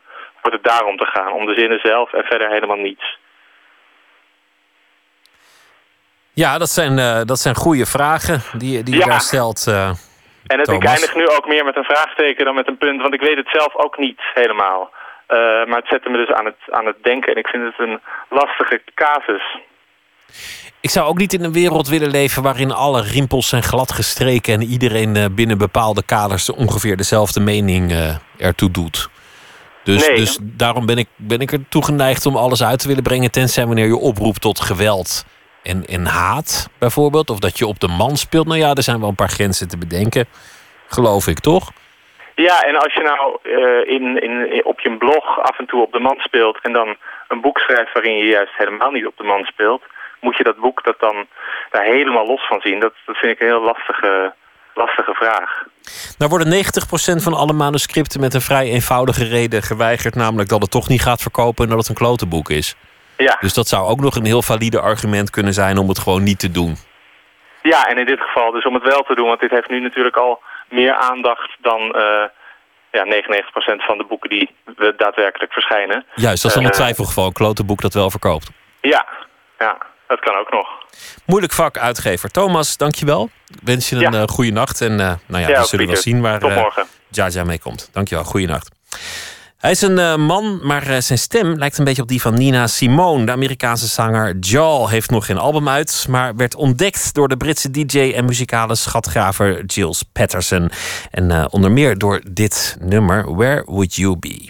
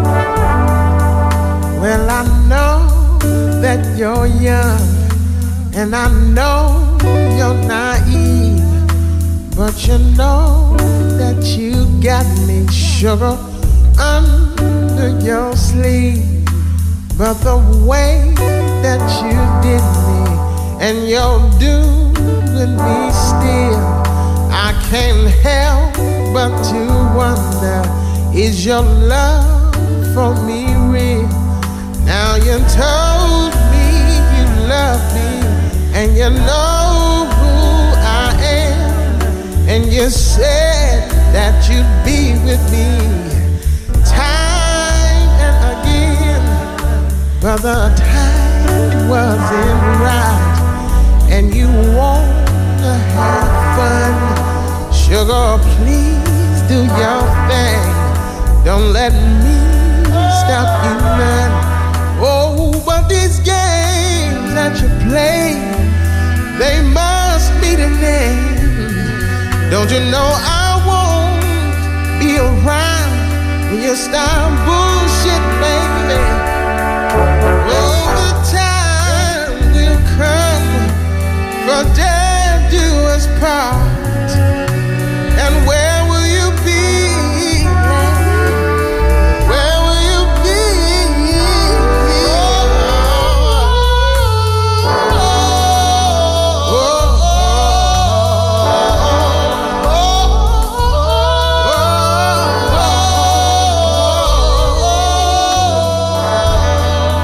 Now there's love on your lips, and there's locks in your hair in your heart, in your mind. Sugar, you got it there. The great God in the universe would surely agree that there's no other system that's more worthy of me. Oh, but these games that you play, they must end. Don't you know I won't be around when you start bullshit, baby? Oh, the time will come for me to give my heart.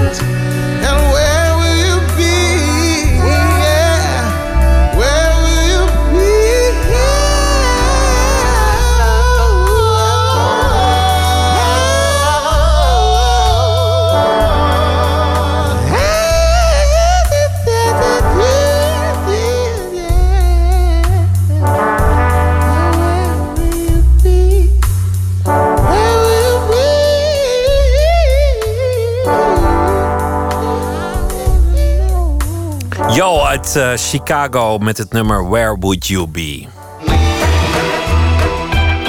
Nooit meer slapen.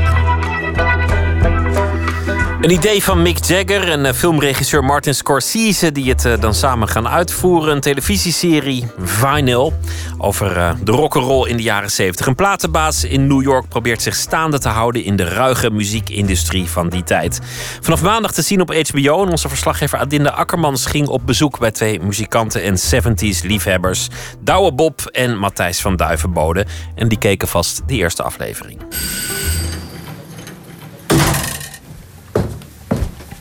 Hi. Hi. Kom in. Peter. Hi. Hi. Douwe. Hallo. Hey. Hey.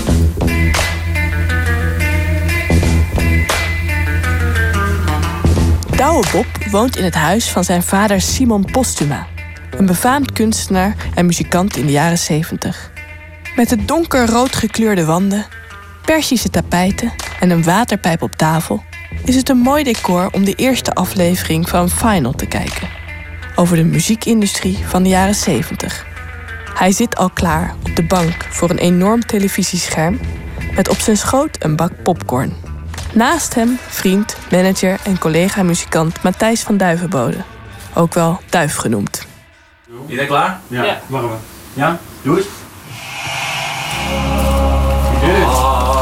When you look at me, when you're looking right at me, in any like way, shape, or form, on some level, does my face resemble an asshole? Kleuren. van die tijd zijn zo mooi. Dat oranje en dat groen dat erin zit. Heel zacht. Monniken, oranje. 70s oranje. Dat moet, moeten we hebben weer.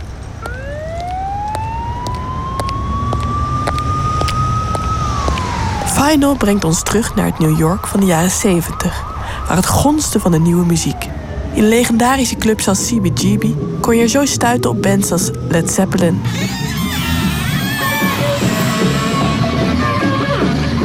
Blondie of de Talking Heads. Het is de tijd van de rock and roll, maar er werd ook al een kiem gelegd voor punk.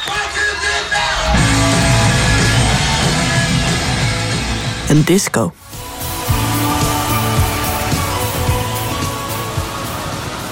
Ja, ik vond de muziek in de serie echt wel heel gaaf gekozen. Het klonk ook gewoon te gek. En ook de nieuwe dingen die ze erin hadden opgenomen.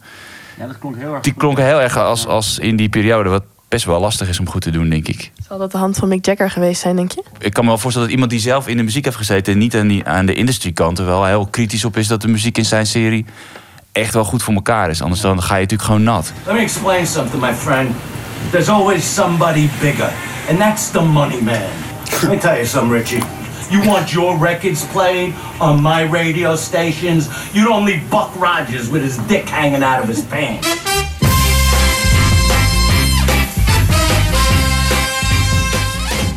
Final schetst een beeld van een wilderige muziekindustrie in de 70s.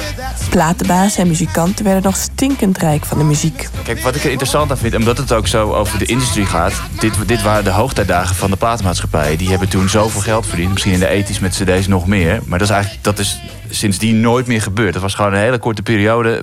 Zo ergens tussen... Uh, dat begon zo in 73 of zo tot uh, midden jaren 80. Dat je echt gigantisch veel geld kon verdienen. En dat, dus dat, dat, daar kwam heel veel excess bij kijken. En hele dure platen die gemaakt werden. En alles werd groter en groter. groter. Dus nou, dat vind ik heel interessant om te zien. Dat heb je nu heel duidelijk niet meer. Dus daarom is het gaaf dat zo'n serie dat heel mooi in beeld brengt. En wat is er mee verloren gegaan dat je dat nu niet meer hebt? Geld, hè? Sommige dingen doe je nu misschien niet omdat het gewoon te veel geld kost. Weet je? Je werkt wel een beetje met het geld dat je krijgt. Met een budget of zo. Als er gewoon geen limit is nou ja, misschien zou ik uh, dan wel een, een, uh, een, shoot in de bergen van Japan gaan, gaan doen of zo. Weet je. Dat kan dan. Bahama's. Ja, maar echt zoiets. ja, ik bedoel, ja, als dat, weet je, dan, dan zou dat kunnen. En nu zitten we in Amsterdam-Noord. Maar ja, ja ook, ook, ook fantastisch. Maar dat zie je wel bij die, weet je, ik bedoel, nu, nu zijn de DJ's, die jongens, die, die gaan nu met de privéjets de wereld rond. En dat vind, ik ook, dat vind ik ook niet erg. Ik zit toch niet graag in een vliegtuig. ja.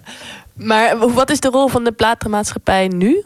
Ja, dat is wel grappig, want die, wij zitten bij een label... die werken eigenlijk alleen maar mensen die houden heel erg van muziek. Het is wel wat zakelijker allemaal. Die zitten daar echt niet de hele dag uh, te zuipen en te roken. En, uh, nee. Er is zo'n shakedown geweest. Er zijn zoveel mensen daar uh, weg en zo uitgedund... dat er nu, voor mijn gevoel, als ik daar kom... alleen maar mensen zitten die gedreven zijn... goed zijn in hun werk... en ook echt van muziek houden. Om mee te werken is dat eigenlijk hartstikke leuk. Het is, ja. het is meer tot de kern gegaan, denk ik. Het kan, ook, het kan ook op een bepaalde manier niet anders. Ik bedoel, het is, het is gewoon geen vetpot meer. Dus als je er gaat werken, dan moet je er dus wel van houden, weet je. Er moet ergens anders van vandaan komen dan van de drive om uh, miljonair te worden of zo. Je moet het voor de muziek doen. Ja, dan kan je beter bij een bank gaan werken. Ja. ja.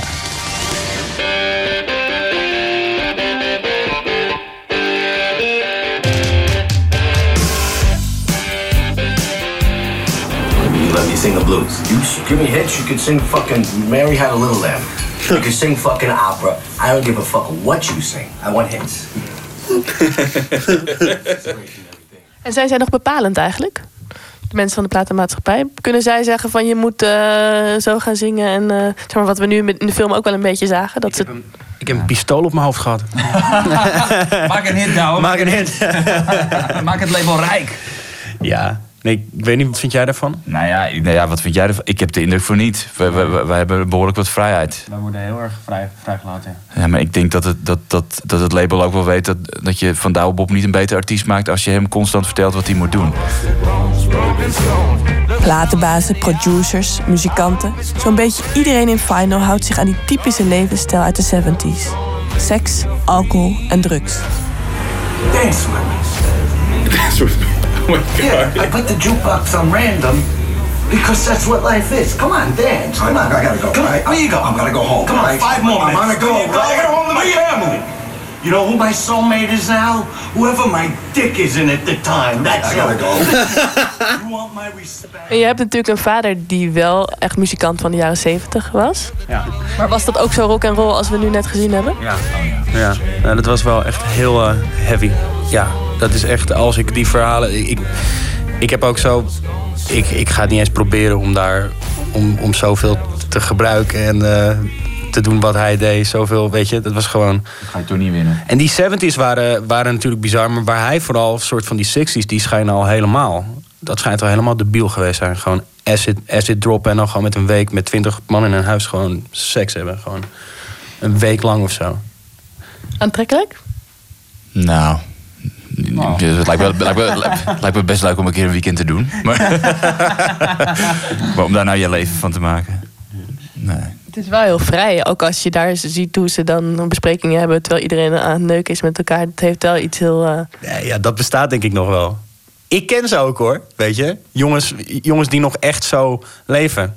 Maar die hebben ook allemaal 70s kleren aan. Dat is wel waar. Helemaal dat. Ik, ik eh, woon samen met een eh gozer en die kan gewoon zo... Die kan zo die, zo die serie. Ik kan dat niet. Ik heb... s ochtends, wat ik moet hebben, is gewoon een, gewoon een groenteshake. En mijn lichaam zegt gewoon na een eh, uur of twee s'nachts... je gaat nu naar bed. Je gaat nu gewoon slapen. En Duif heeft mij geleerd... als je gewoon moe bent en je gaat naar huis... of je, of je ziet aan elkaar van ah, ik wil nog niet... dan zeg je gewoon tegen elkaar, je mist nooit iets. Je mist niks. Je mist nooit iets. Je kan altijd, s ochtends word je, word je wakker... en ben je zo blij dat je naar huis bent gegaan. Ik, en ik heb het idee dat ze toen gewoon dachten van... eh, Ja. oh god, straks mis ik iets. Ja. Ik ga door. ik ga door dat ik omval.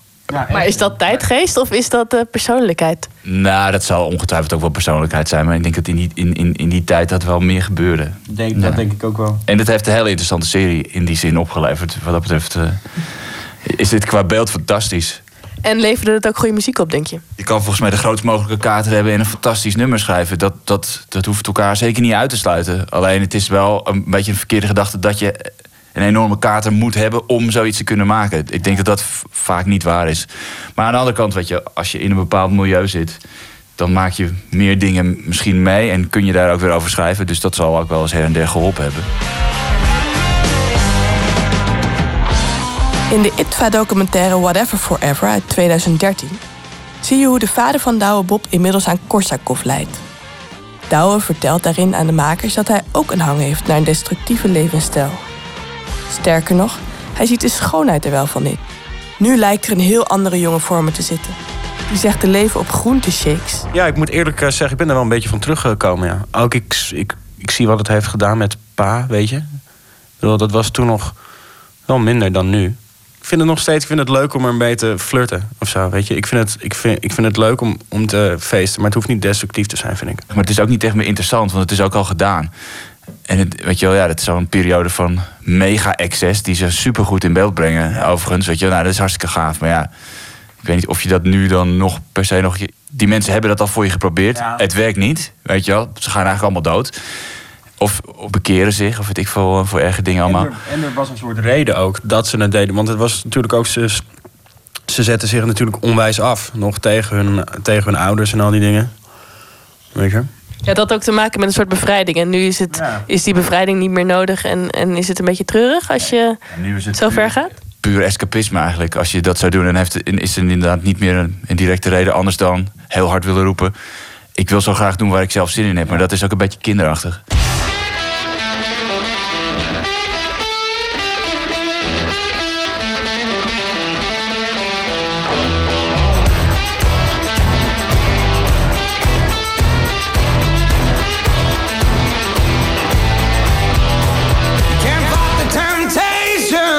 Get the vibration. Won't do you no good. Won't do you no good. You better start rolling when you hear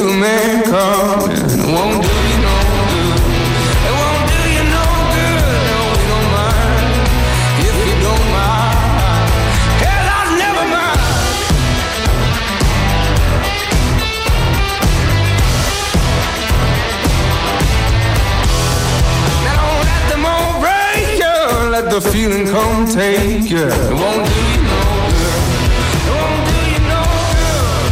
And you know I got fever. So when you hit me right. Rock'n'roll uit eh, de serie Vinyl vanaf maandag te zien op HBO. Een bijdrage van Adinda Akkermans in gesprek met Douwe Bob en Matthijs van Duivenbode. En eh, ik zei eerder in de uitzending dat eh, Tim Knol er ook iets over zou zeggen. Maar dat is, eh, ik weet niet waar dat vandaan kwam. Dat was dus helemaal niet zo. Misschien was eh, Tim Knol wel andere dingen aan het doen. Maar die eh, horen we vast nog wel een keer eh, vertellen over wat hij vond van deze serie. Want eh, deze serie gaat veel stof doen opwaaien als je de berichten moet geloven.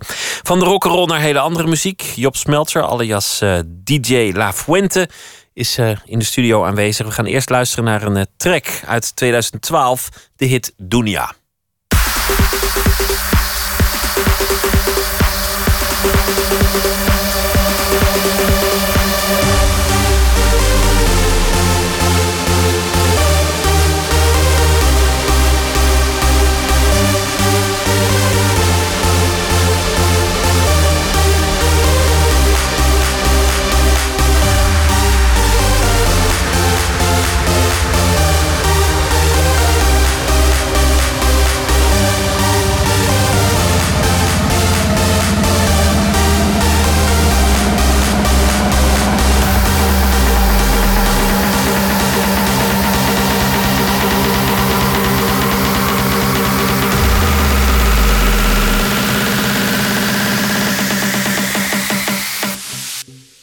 DJ La Fuente was dat met Dunia. En hij eh, zit hier tegenover mij.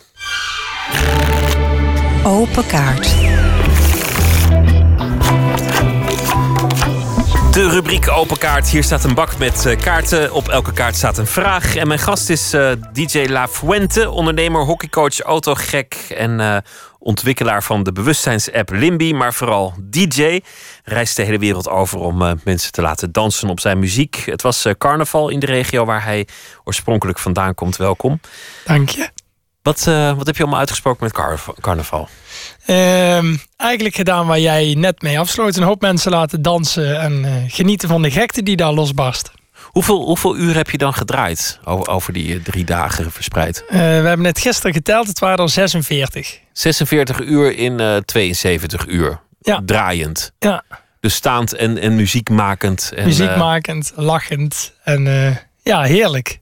maar dat is, ook- dat is ook een beetje jouw leven. Want volgens mij heb jij een moordend tempo. Want je staat altijd wel ergens te spelen. Of je bent onderweg of je bent bezig met het ontwikkelen. Maar jij, jij draait meer feesten dan welke DJ ook, volgens mij. Ehm, ja, het is een keuze waar wij, eh, waar wij eh, heel bewust voor kiezen. Eh, ik vind het heerlijk om op het podium te staan. En eh, ehm, ik vind het heerlijk om onder de mensen te zijn. En als ik op zaterdag meerdere shows kan doen en in het weekend een paar shows kan doen, kan ik daar heel erg van genieten. Dus vorig jaar hebben we meer dan 300 shows gedraaid in een jaar. En ehm, ja, dat vind ik het lekkerste wat er is. Dus er is ook geen behoefte aan om dat te minderen. Nu nog dan. Je draait niet meer van vinyl. Want we hadden het eerder in deze aflevering over, eh, over vinyl. De, Ja. de tv-serie. En eh, nou ja, het is eh, nu ook de verjaardag van Thomas Edison. Als die, als die niet al heel lang dood was.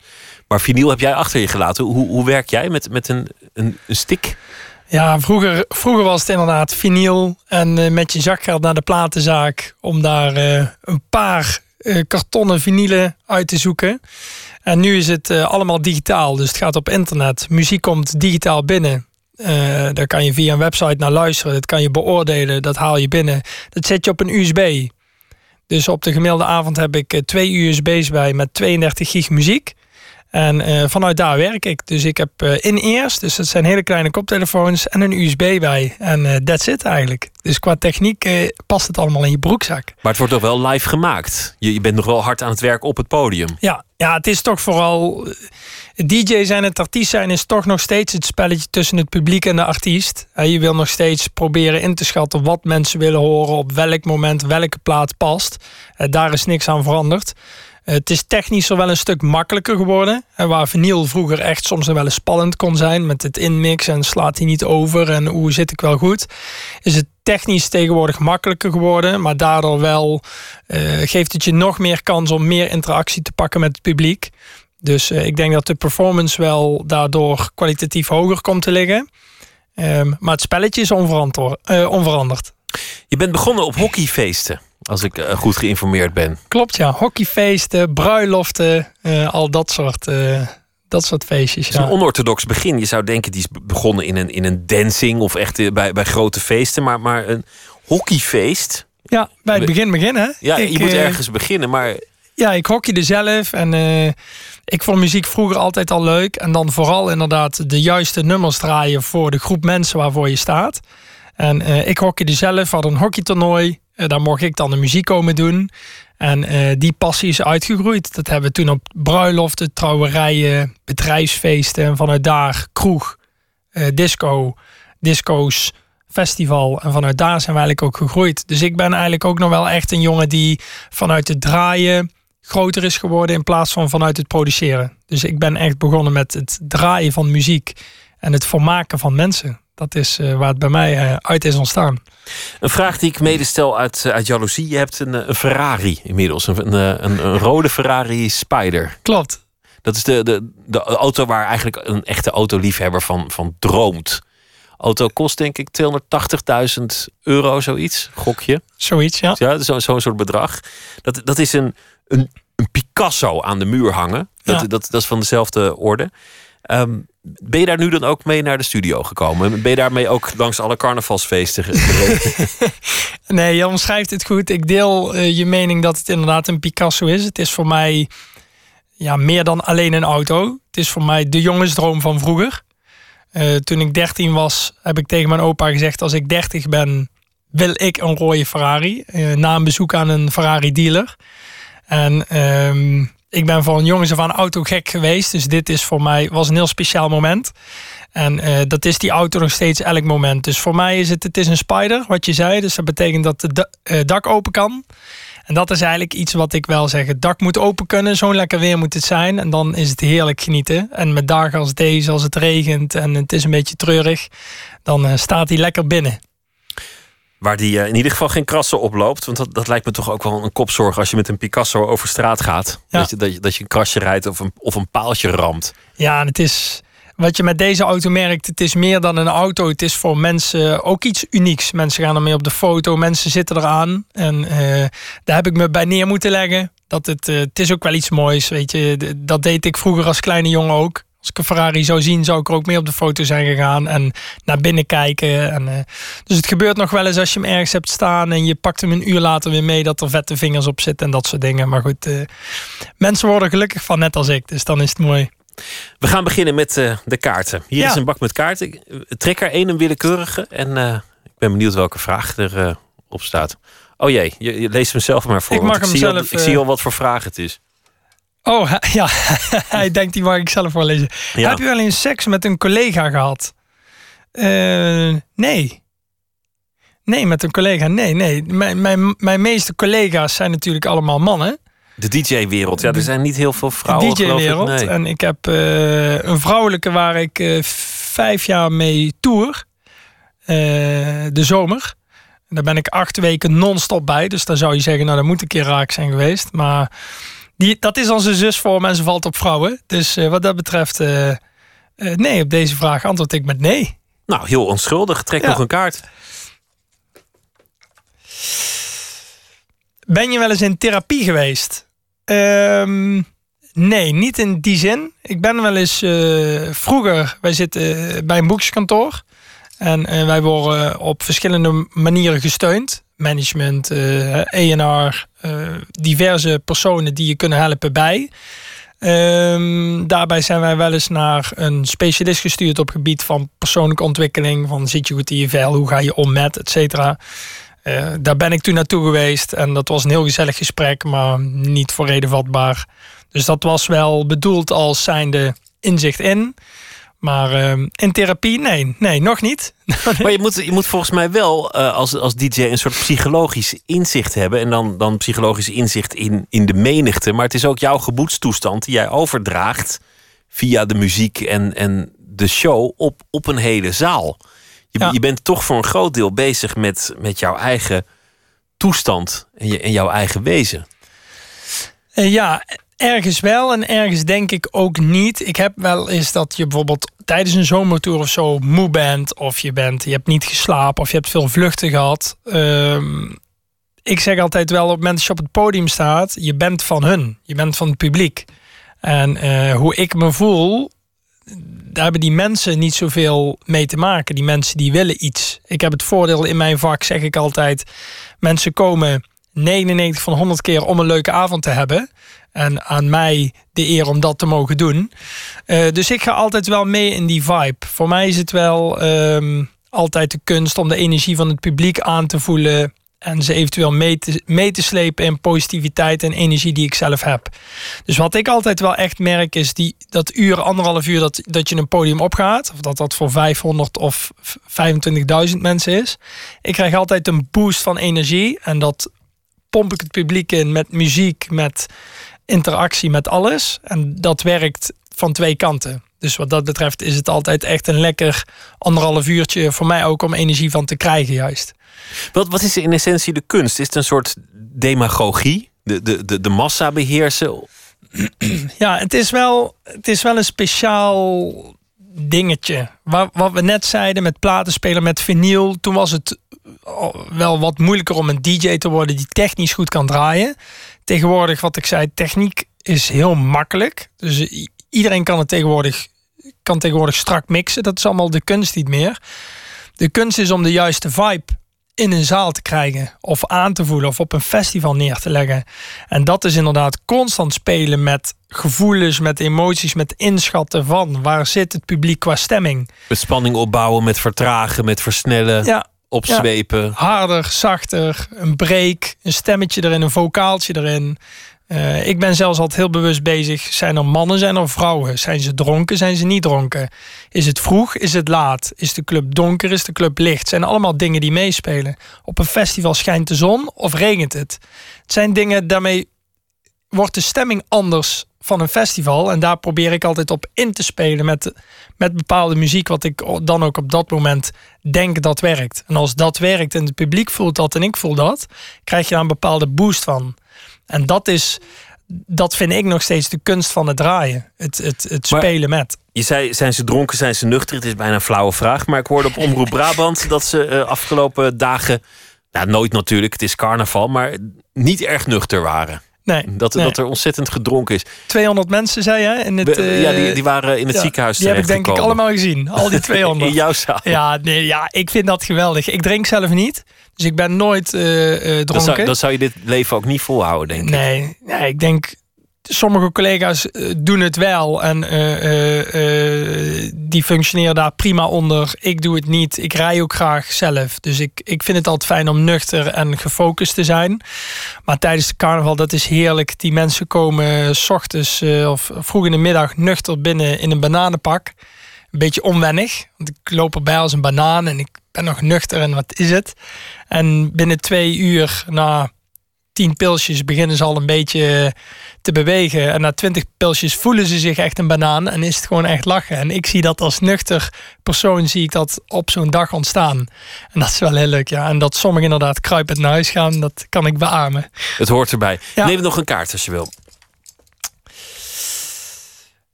Wie ga je uit de weg? Mm.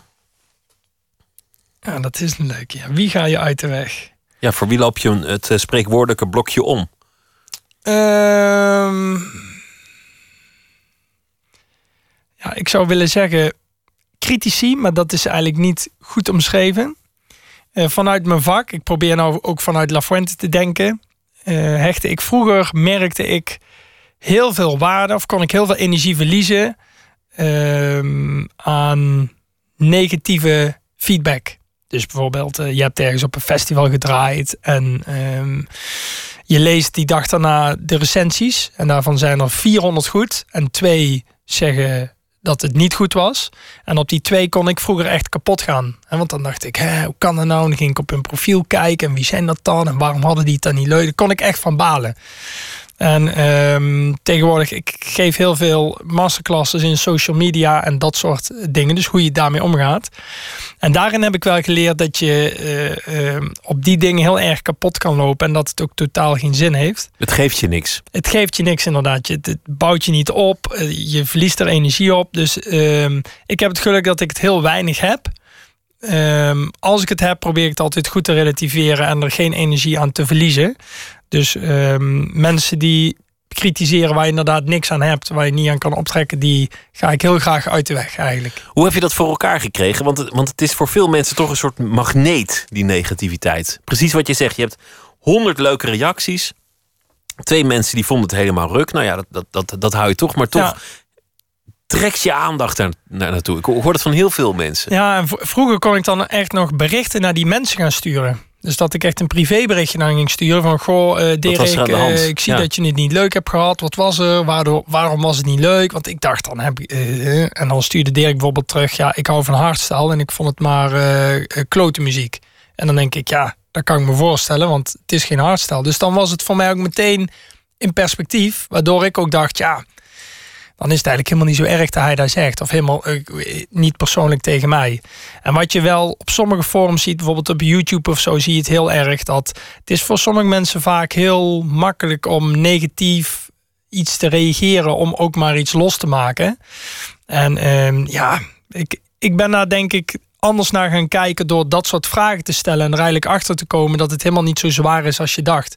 Of dat het helemaal niet om jou ging. Dat bijvoorbeeld iemand zegt, ja, eh, mijn telefoon was gejat en ik vond het maar een klootavond. Dat je denkt, ja, nee, dat kan ik me voorstellen. Dus Maar ik denk dat als je in het leven nooit negatieve reacties losmaakt, dat je er gewoon niet toe doet. Nee, dat je is- gewoon niet, geleefd hebt. Dat, Nee. dat je leven totaal inwisselbaar en onbelangrijk was. Af en toe Nee, moet er is, iemand het is zeggen. ook niet erg. Tuurlijk. Maar goed, die mensen ga je uit de weg. Laten we nog één kaart doen. Ik pak deze. Wat vind je lelijk aan jezelf? Oei. Oei. Wat vind ik lelijk aan mezelf?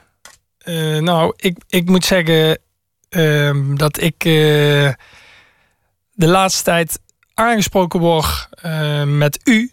Als mensen tegenwoordig met mij op de foto willen. En eh, daarmee merk ik toch wel van, oh jezus, u, is dat uit beleefdheid of is dat... eh, dan dat uit vaak- ouderdom? Ze vaak, Ja. nee, beleefdheid. Ja. Nou lach ik heel veel, eh, gelukkig. Dus ik heb van die lachrimpels, zeggen ze dan. En ik heb geleerd dat dat een, een mooi iets is. Maar soms als ik kijk, denk ik nog wel eens, oh mijn hemel. Maar goed, als dat is, als dat het enige is. Nou, laat me je zeggen, je ziet er, eh, ziet er nog gezond uit voor iemand die 300 keer eh, per jaar tot diep in de nacht ergens staat te draaien. D- Dank dat je hier wilde zijn, DJ La Fuente. Veel plezier. Dankjewel. En de Music Fair en de Dance Fair die, eh, vinden plaats op 13 en 14 februari in Utrecht in de jaarbeurs. Andere muziek nu, want hij stierf in 2003 onder miraculeuze omstandigheden. Twee steekwonden in de borst. En toch werd uiteindelijk gezegd dat het zelfmoord zou zijn. Hij was eh, tijdens leven en welzijn al een eh, lost soul geweest. Iemand die altijd zoekende was en nooit iets kon vinden. Elliot Smith heb ik het over. Er is een documentaire over verschenen, vorig jaar al. En muziek. Daarbij ook eh, een soundtrack en daarop staat dit nummer Son of Sam.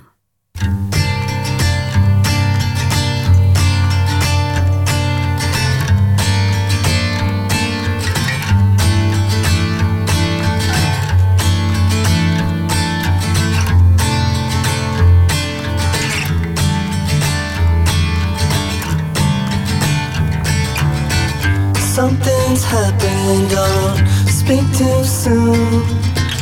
I told the boss off and made my move. Got nowhere to go. Son of Sam, son of a shining path, the clouded night. The couple killer each and every time.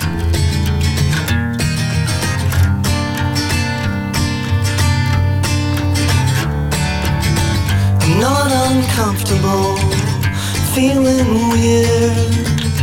Lonely only lit options disappeared, but I know what to do. Son of Sam, son of a doctor's touch, a nurse's love. Acting under orders from above.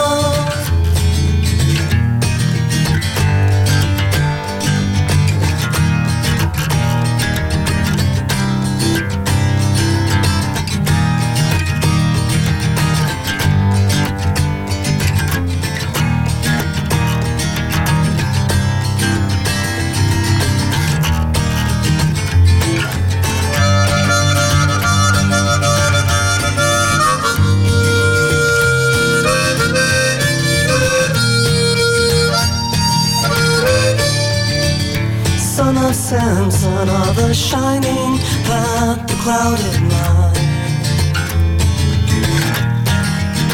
The couple kill it each and every time.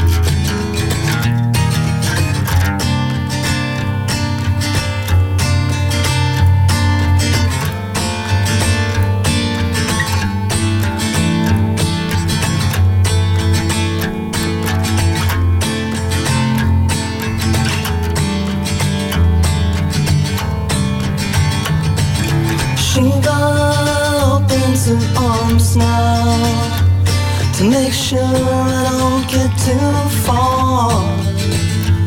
I may talk in my sleep tonight, cause I don't know what I am. I'm a little like you, more like sun up, sand.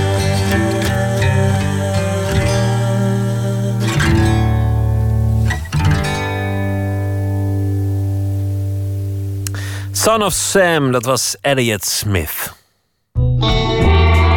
Nooit meer slapen.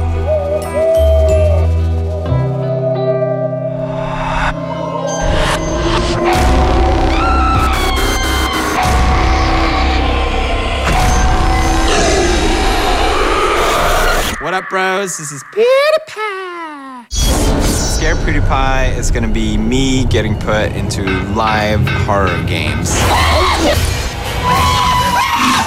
I signed up for this, so I'm okay. But really, I'm, I'm not okay. Nou, wat een eh, hoop herrie zult u denken, maar dit is eh, volgens mij nachtcorrespondent Tom Klaassen PewDiePie. En dat is eh, een jongen die wereldberoemd is geworden door het maken van filmpjes op YouTube. Inderdaad, PewDiePie, Felix Kjellberg heet hij eigenlijk in het echt. Hij komt uit Zweden en hij is vooral bekend vanwege de filmpjes waarin hij videogames becommentarieert. En zijn YouTube-kanaal heeft 42 miljoen abonnees. Maar dit klonk niet als commentaar op een videogame.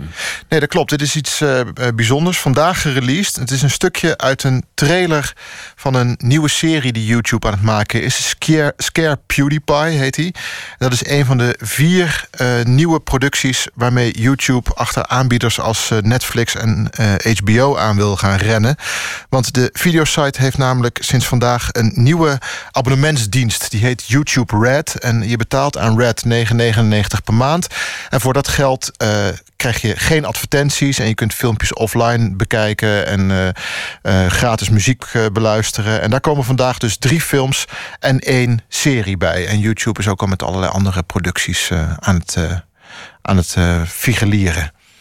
Nou, associeer ik YouTube toch vooral met, met kattenfilmpjes en dronken gasten die rare trucjes uithalen. En, en misschien af en toe ook wel met, met hele mooie oude televisie of dat soort dingen. Maar Ja. dit, is, dit is iets anders. Ja, tot nu toe was dat YouTube vooral inderdaad. Hele korte clipjes waar zij dan een advertentie voor plakken. En daar verdienen ze vandaag de dag nog hun geld mee. Er is ook wel vrij veel min of meer professioneel gemaakte content op YouTube te zien. Maar dat is allemaal heel gefragmenteerd en kleinschalig. En ze maken het vooral niet zelf. Ik eh, belde vanmiddag even met Noah Zeeuw. Die maakt met een paar andere jongens Ponkers. En dat is een heel succesvolle serie die alleen op YouTube te zien is. En hij roemt de korte lijntjes die je hebt met de gebruikers. Die kunnen heel dicht bij de maker komen. Commenten onder filmpjes, suggesties doen, zich ermee bemoeien. En daarom hebben mensen heel snel het gevoel dat ze erbij horen. Je engagement met kijkers is gewoon enorm belangrijk. Het gevoel geven dat, eh, dat ze erbij horen. Eh, het gevoel dat, eh, niet alleen het gevoel, maar ook dat het daadwerkelijk zo is dat, er, eh, dat dit gedaan wordt door degene die je op het scherm ziet. Dus je moet je voorstellen, wij maken video's eh, en de kijker die weet ook dat wij dit zelf editen, dat wij dit zelf bedenken. Eh, je, je interactie is zoveel directer. En dat, dat voel ik echt wanneer ik eh, voor tv werk of voor, voor, eh, voor mijn online video's. Nou, en naar hun video's kijken dus zomaar 150.000 mensen. En het loopt soms uit naar de miljoenen. En dat komt volgens Noah dus vooral door die directe betrokkenheid. Bij Ponkers weet je wie de makers zijn... en dat heb je bij tv eigenlijk helemaal niet.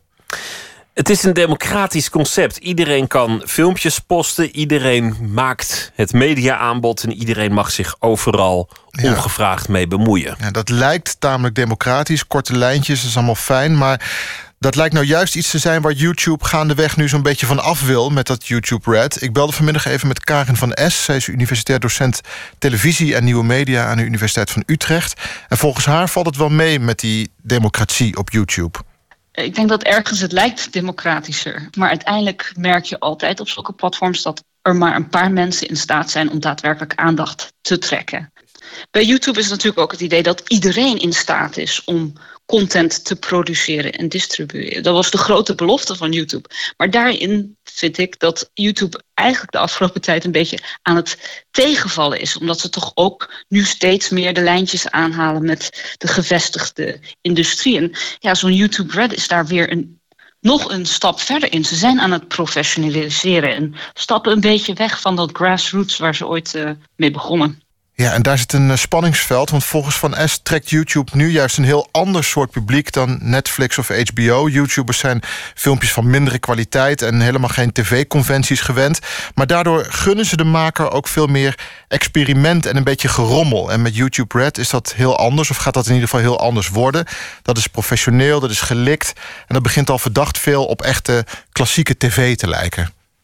Het lijkt er een beetje op alsof ze de, de hete adem van, van Netflix in, in hun uh, nek voelen. Ja. Wat is, wat is de essentie van deze keuze? Waarom? Ja, dit, dit? Nou, wat je zegt klopt precies. Ze moeten wel. En uh, het is inmiddels zo dat mensen die echt flink succes hebben op YouTube... die vertrekken op den duur naar uh, traditionele kwaliteitsmedia... naar tv en naar Netflix en HBO... En volgens Dagan Cohen, creatief ondernemer en kenner op het gebied van online video, kan YouTube daarom niet blijven doen waarmee het ooit groot is geworden. Die kattenfilmpjes waar je het daar straks over had. Mensen blijven doorgaans maar een kwartiertje of zo hangen op YouTube, maar ze zitten urenlang naar Netflix te kijken. En YouTube zoekt dus naar manieren om aantrekkelijker te worden voor adverteerders in die moordende markt. Probeer gewoon meer waarde te creëren voor adverteerders. En ze hebben natuurlijk een flinke oorlogskas. Netflix is natuurlijk de norm als het gaat om uh, hoge kwaliteit. Dus ja, iedereen kijkt naar dat model, is jaloers. Die zegt van ja, kijk hier zijn mensen dus bereid uh, om te betalen voor, voor content. Um, omdat de kwaliteit heel hoog is. Beeldkwaliteit, maar ook gewoon de productiekwaliteit ongelooflijk hoog is. En ja, daar, daar, die, naar die norm wil iedereen toe. Nou, en al die comments onder die filmpjes en dat gezeur met die makers en al die korte lijntjes, die zijn volgens Cohen alleen maar ruis op de lijn voor YouTube. Want wie de comments namelijk aan het lezen is, die kijkt niet naar de video en dus ook niet naar de advertenties. En daarom wil YouTube maar wat graag televisietje spelen en dan kunnen ze en passant ook nog een deel van de inkomsten die bij de makers terechtkomen claimen. Is eigenlijk ook niet zo verwonderlijk, hè? want uiteindelijk is het toch gewoon geld dat de wereld doet draaien en. Zo is het ja, maar net. Is het gewoon handel? Ja, dat is het. En uh, het kan ook anders trouwens, zagen we deze week ook nog. De extreem succesvolle Amerikaanse comedian Louis C.K. Die is een heel eigen serie op zijn eigen site gestart. Hij doet alles zelf, regie, scenario, financiering, distributie. En die serie die heet Horace and Pete. Helemaal zonder tussenkomst van welk miljoenenbedrijf dan ook. Je koopt de afleveringen voor 5 dollar per stuk bij C.K. zelf. Maar ja, hij kan dat doen omdat hij een grote naam is. He cuts the middleman, zeg maar. En daarvoor moet je gewoon een flinke naam zijn. Dat lukt de gemiddelde YouTuber niet. En de grote namen, inderdaad, zoals Louis C.K. en, uh, en wellicht zullen er een paar volgen, die, die, die, uh, ja, uh, die kunnen dat doen. Sheepsuckers! There you go. Sheepsuckers! Sheepsuckers. oh, she's my favorite.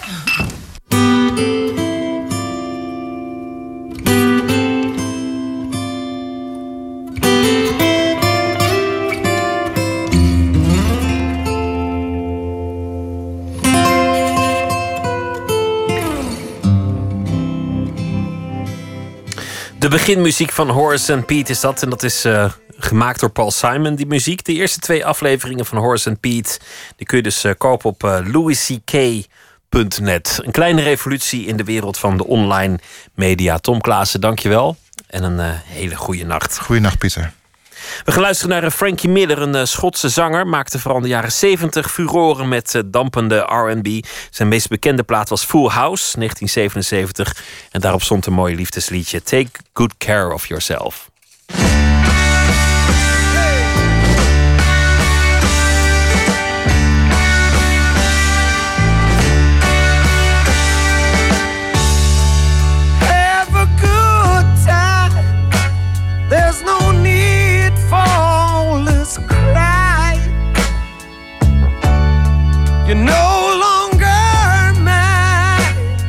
little girl.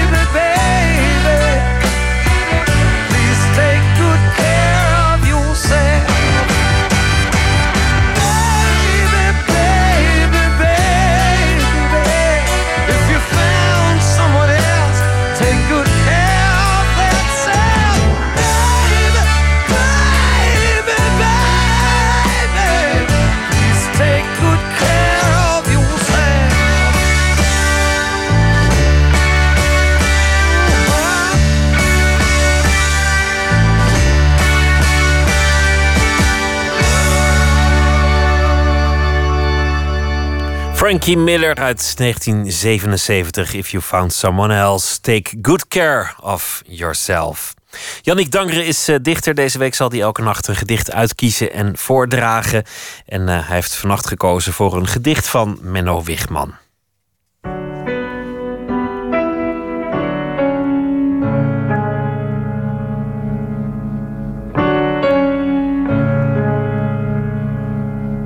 Ik ga een gedicht voorlezen van Menno Wigman, de dichter die voor mij momenteel de beste uit ons taalgebied is.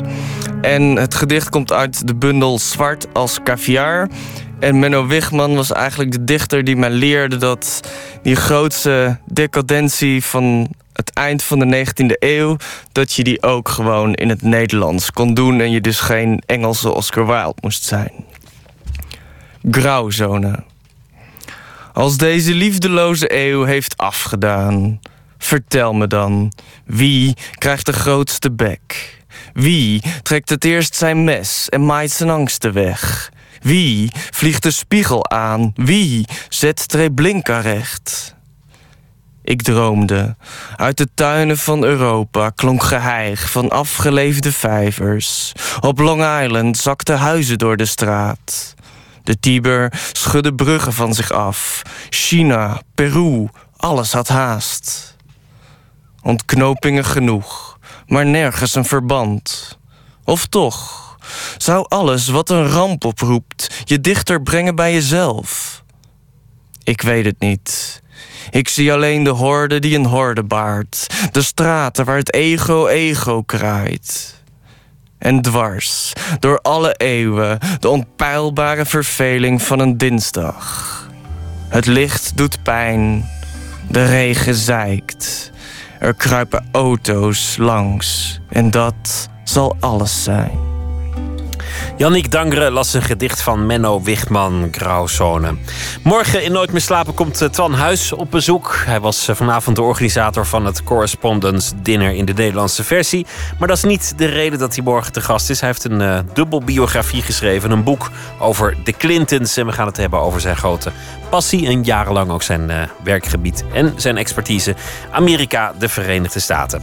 Dus uh, wens ik u nu een hele goede nacht. En morgen wens ik u alvast veel plezier. En ik hoop dat u morgen weer zult luisteren. En zometeen kunt u op deze zender nog luisteren naar Top Radio.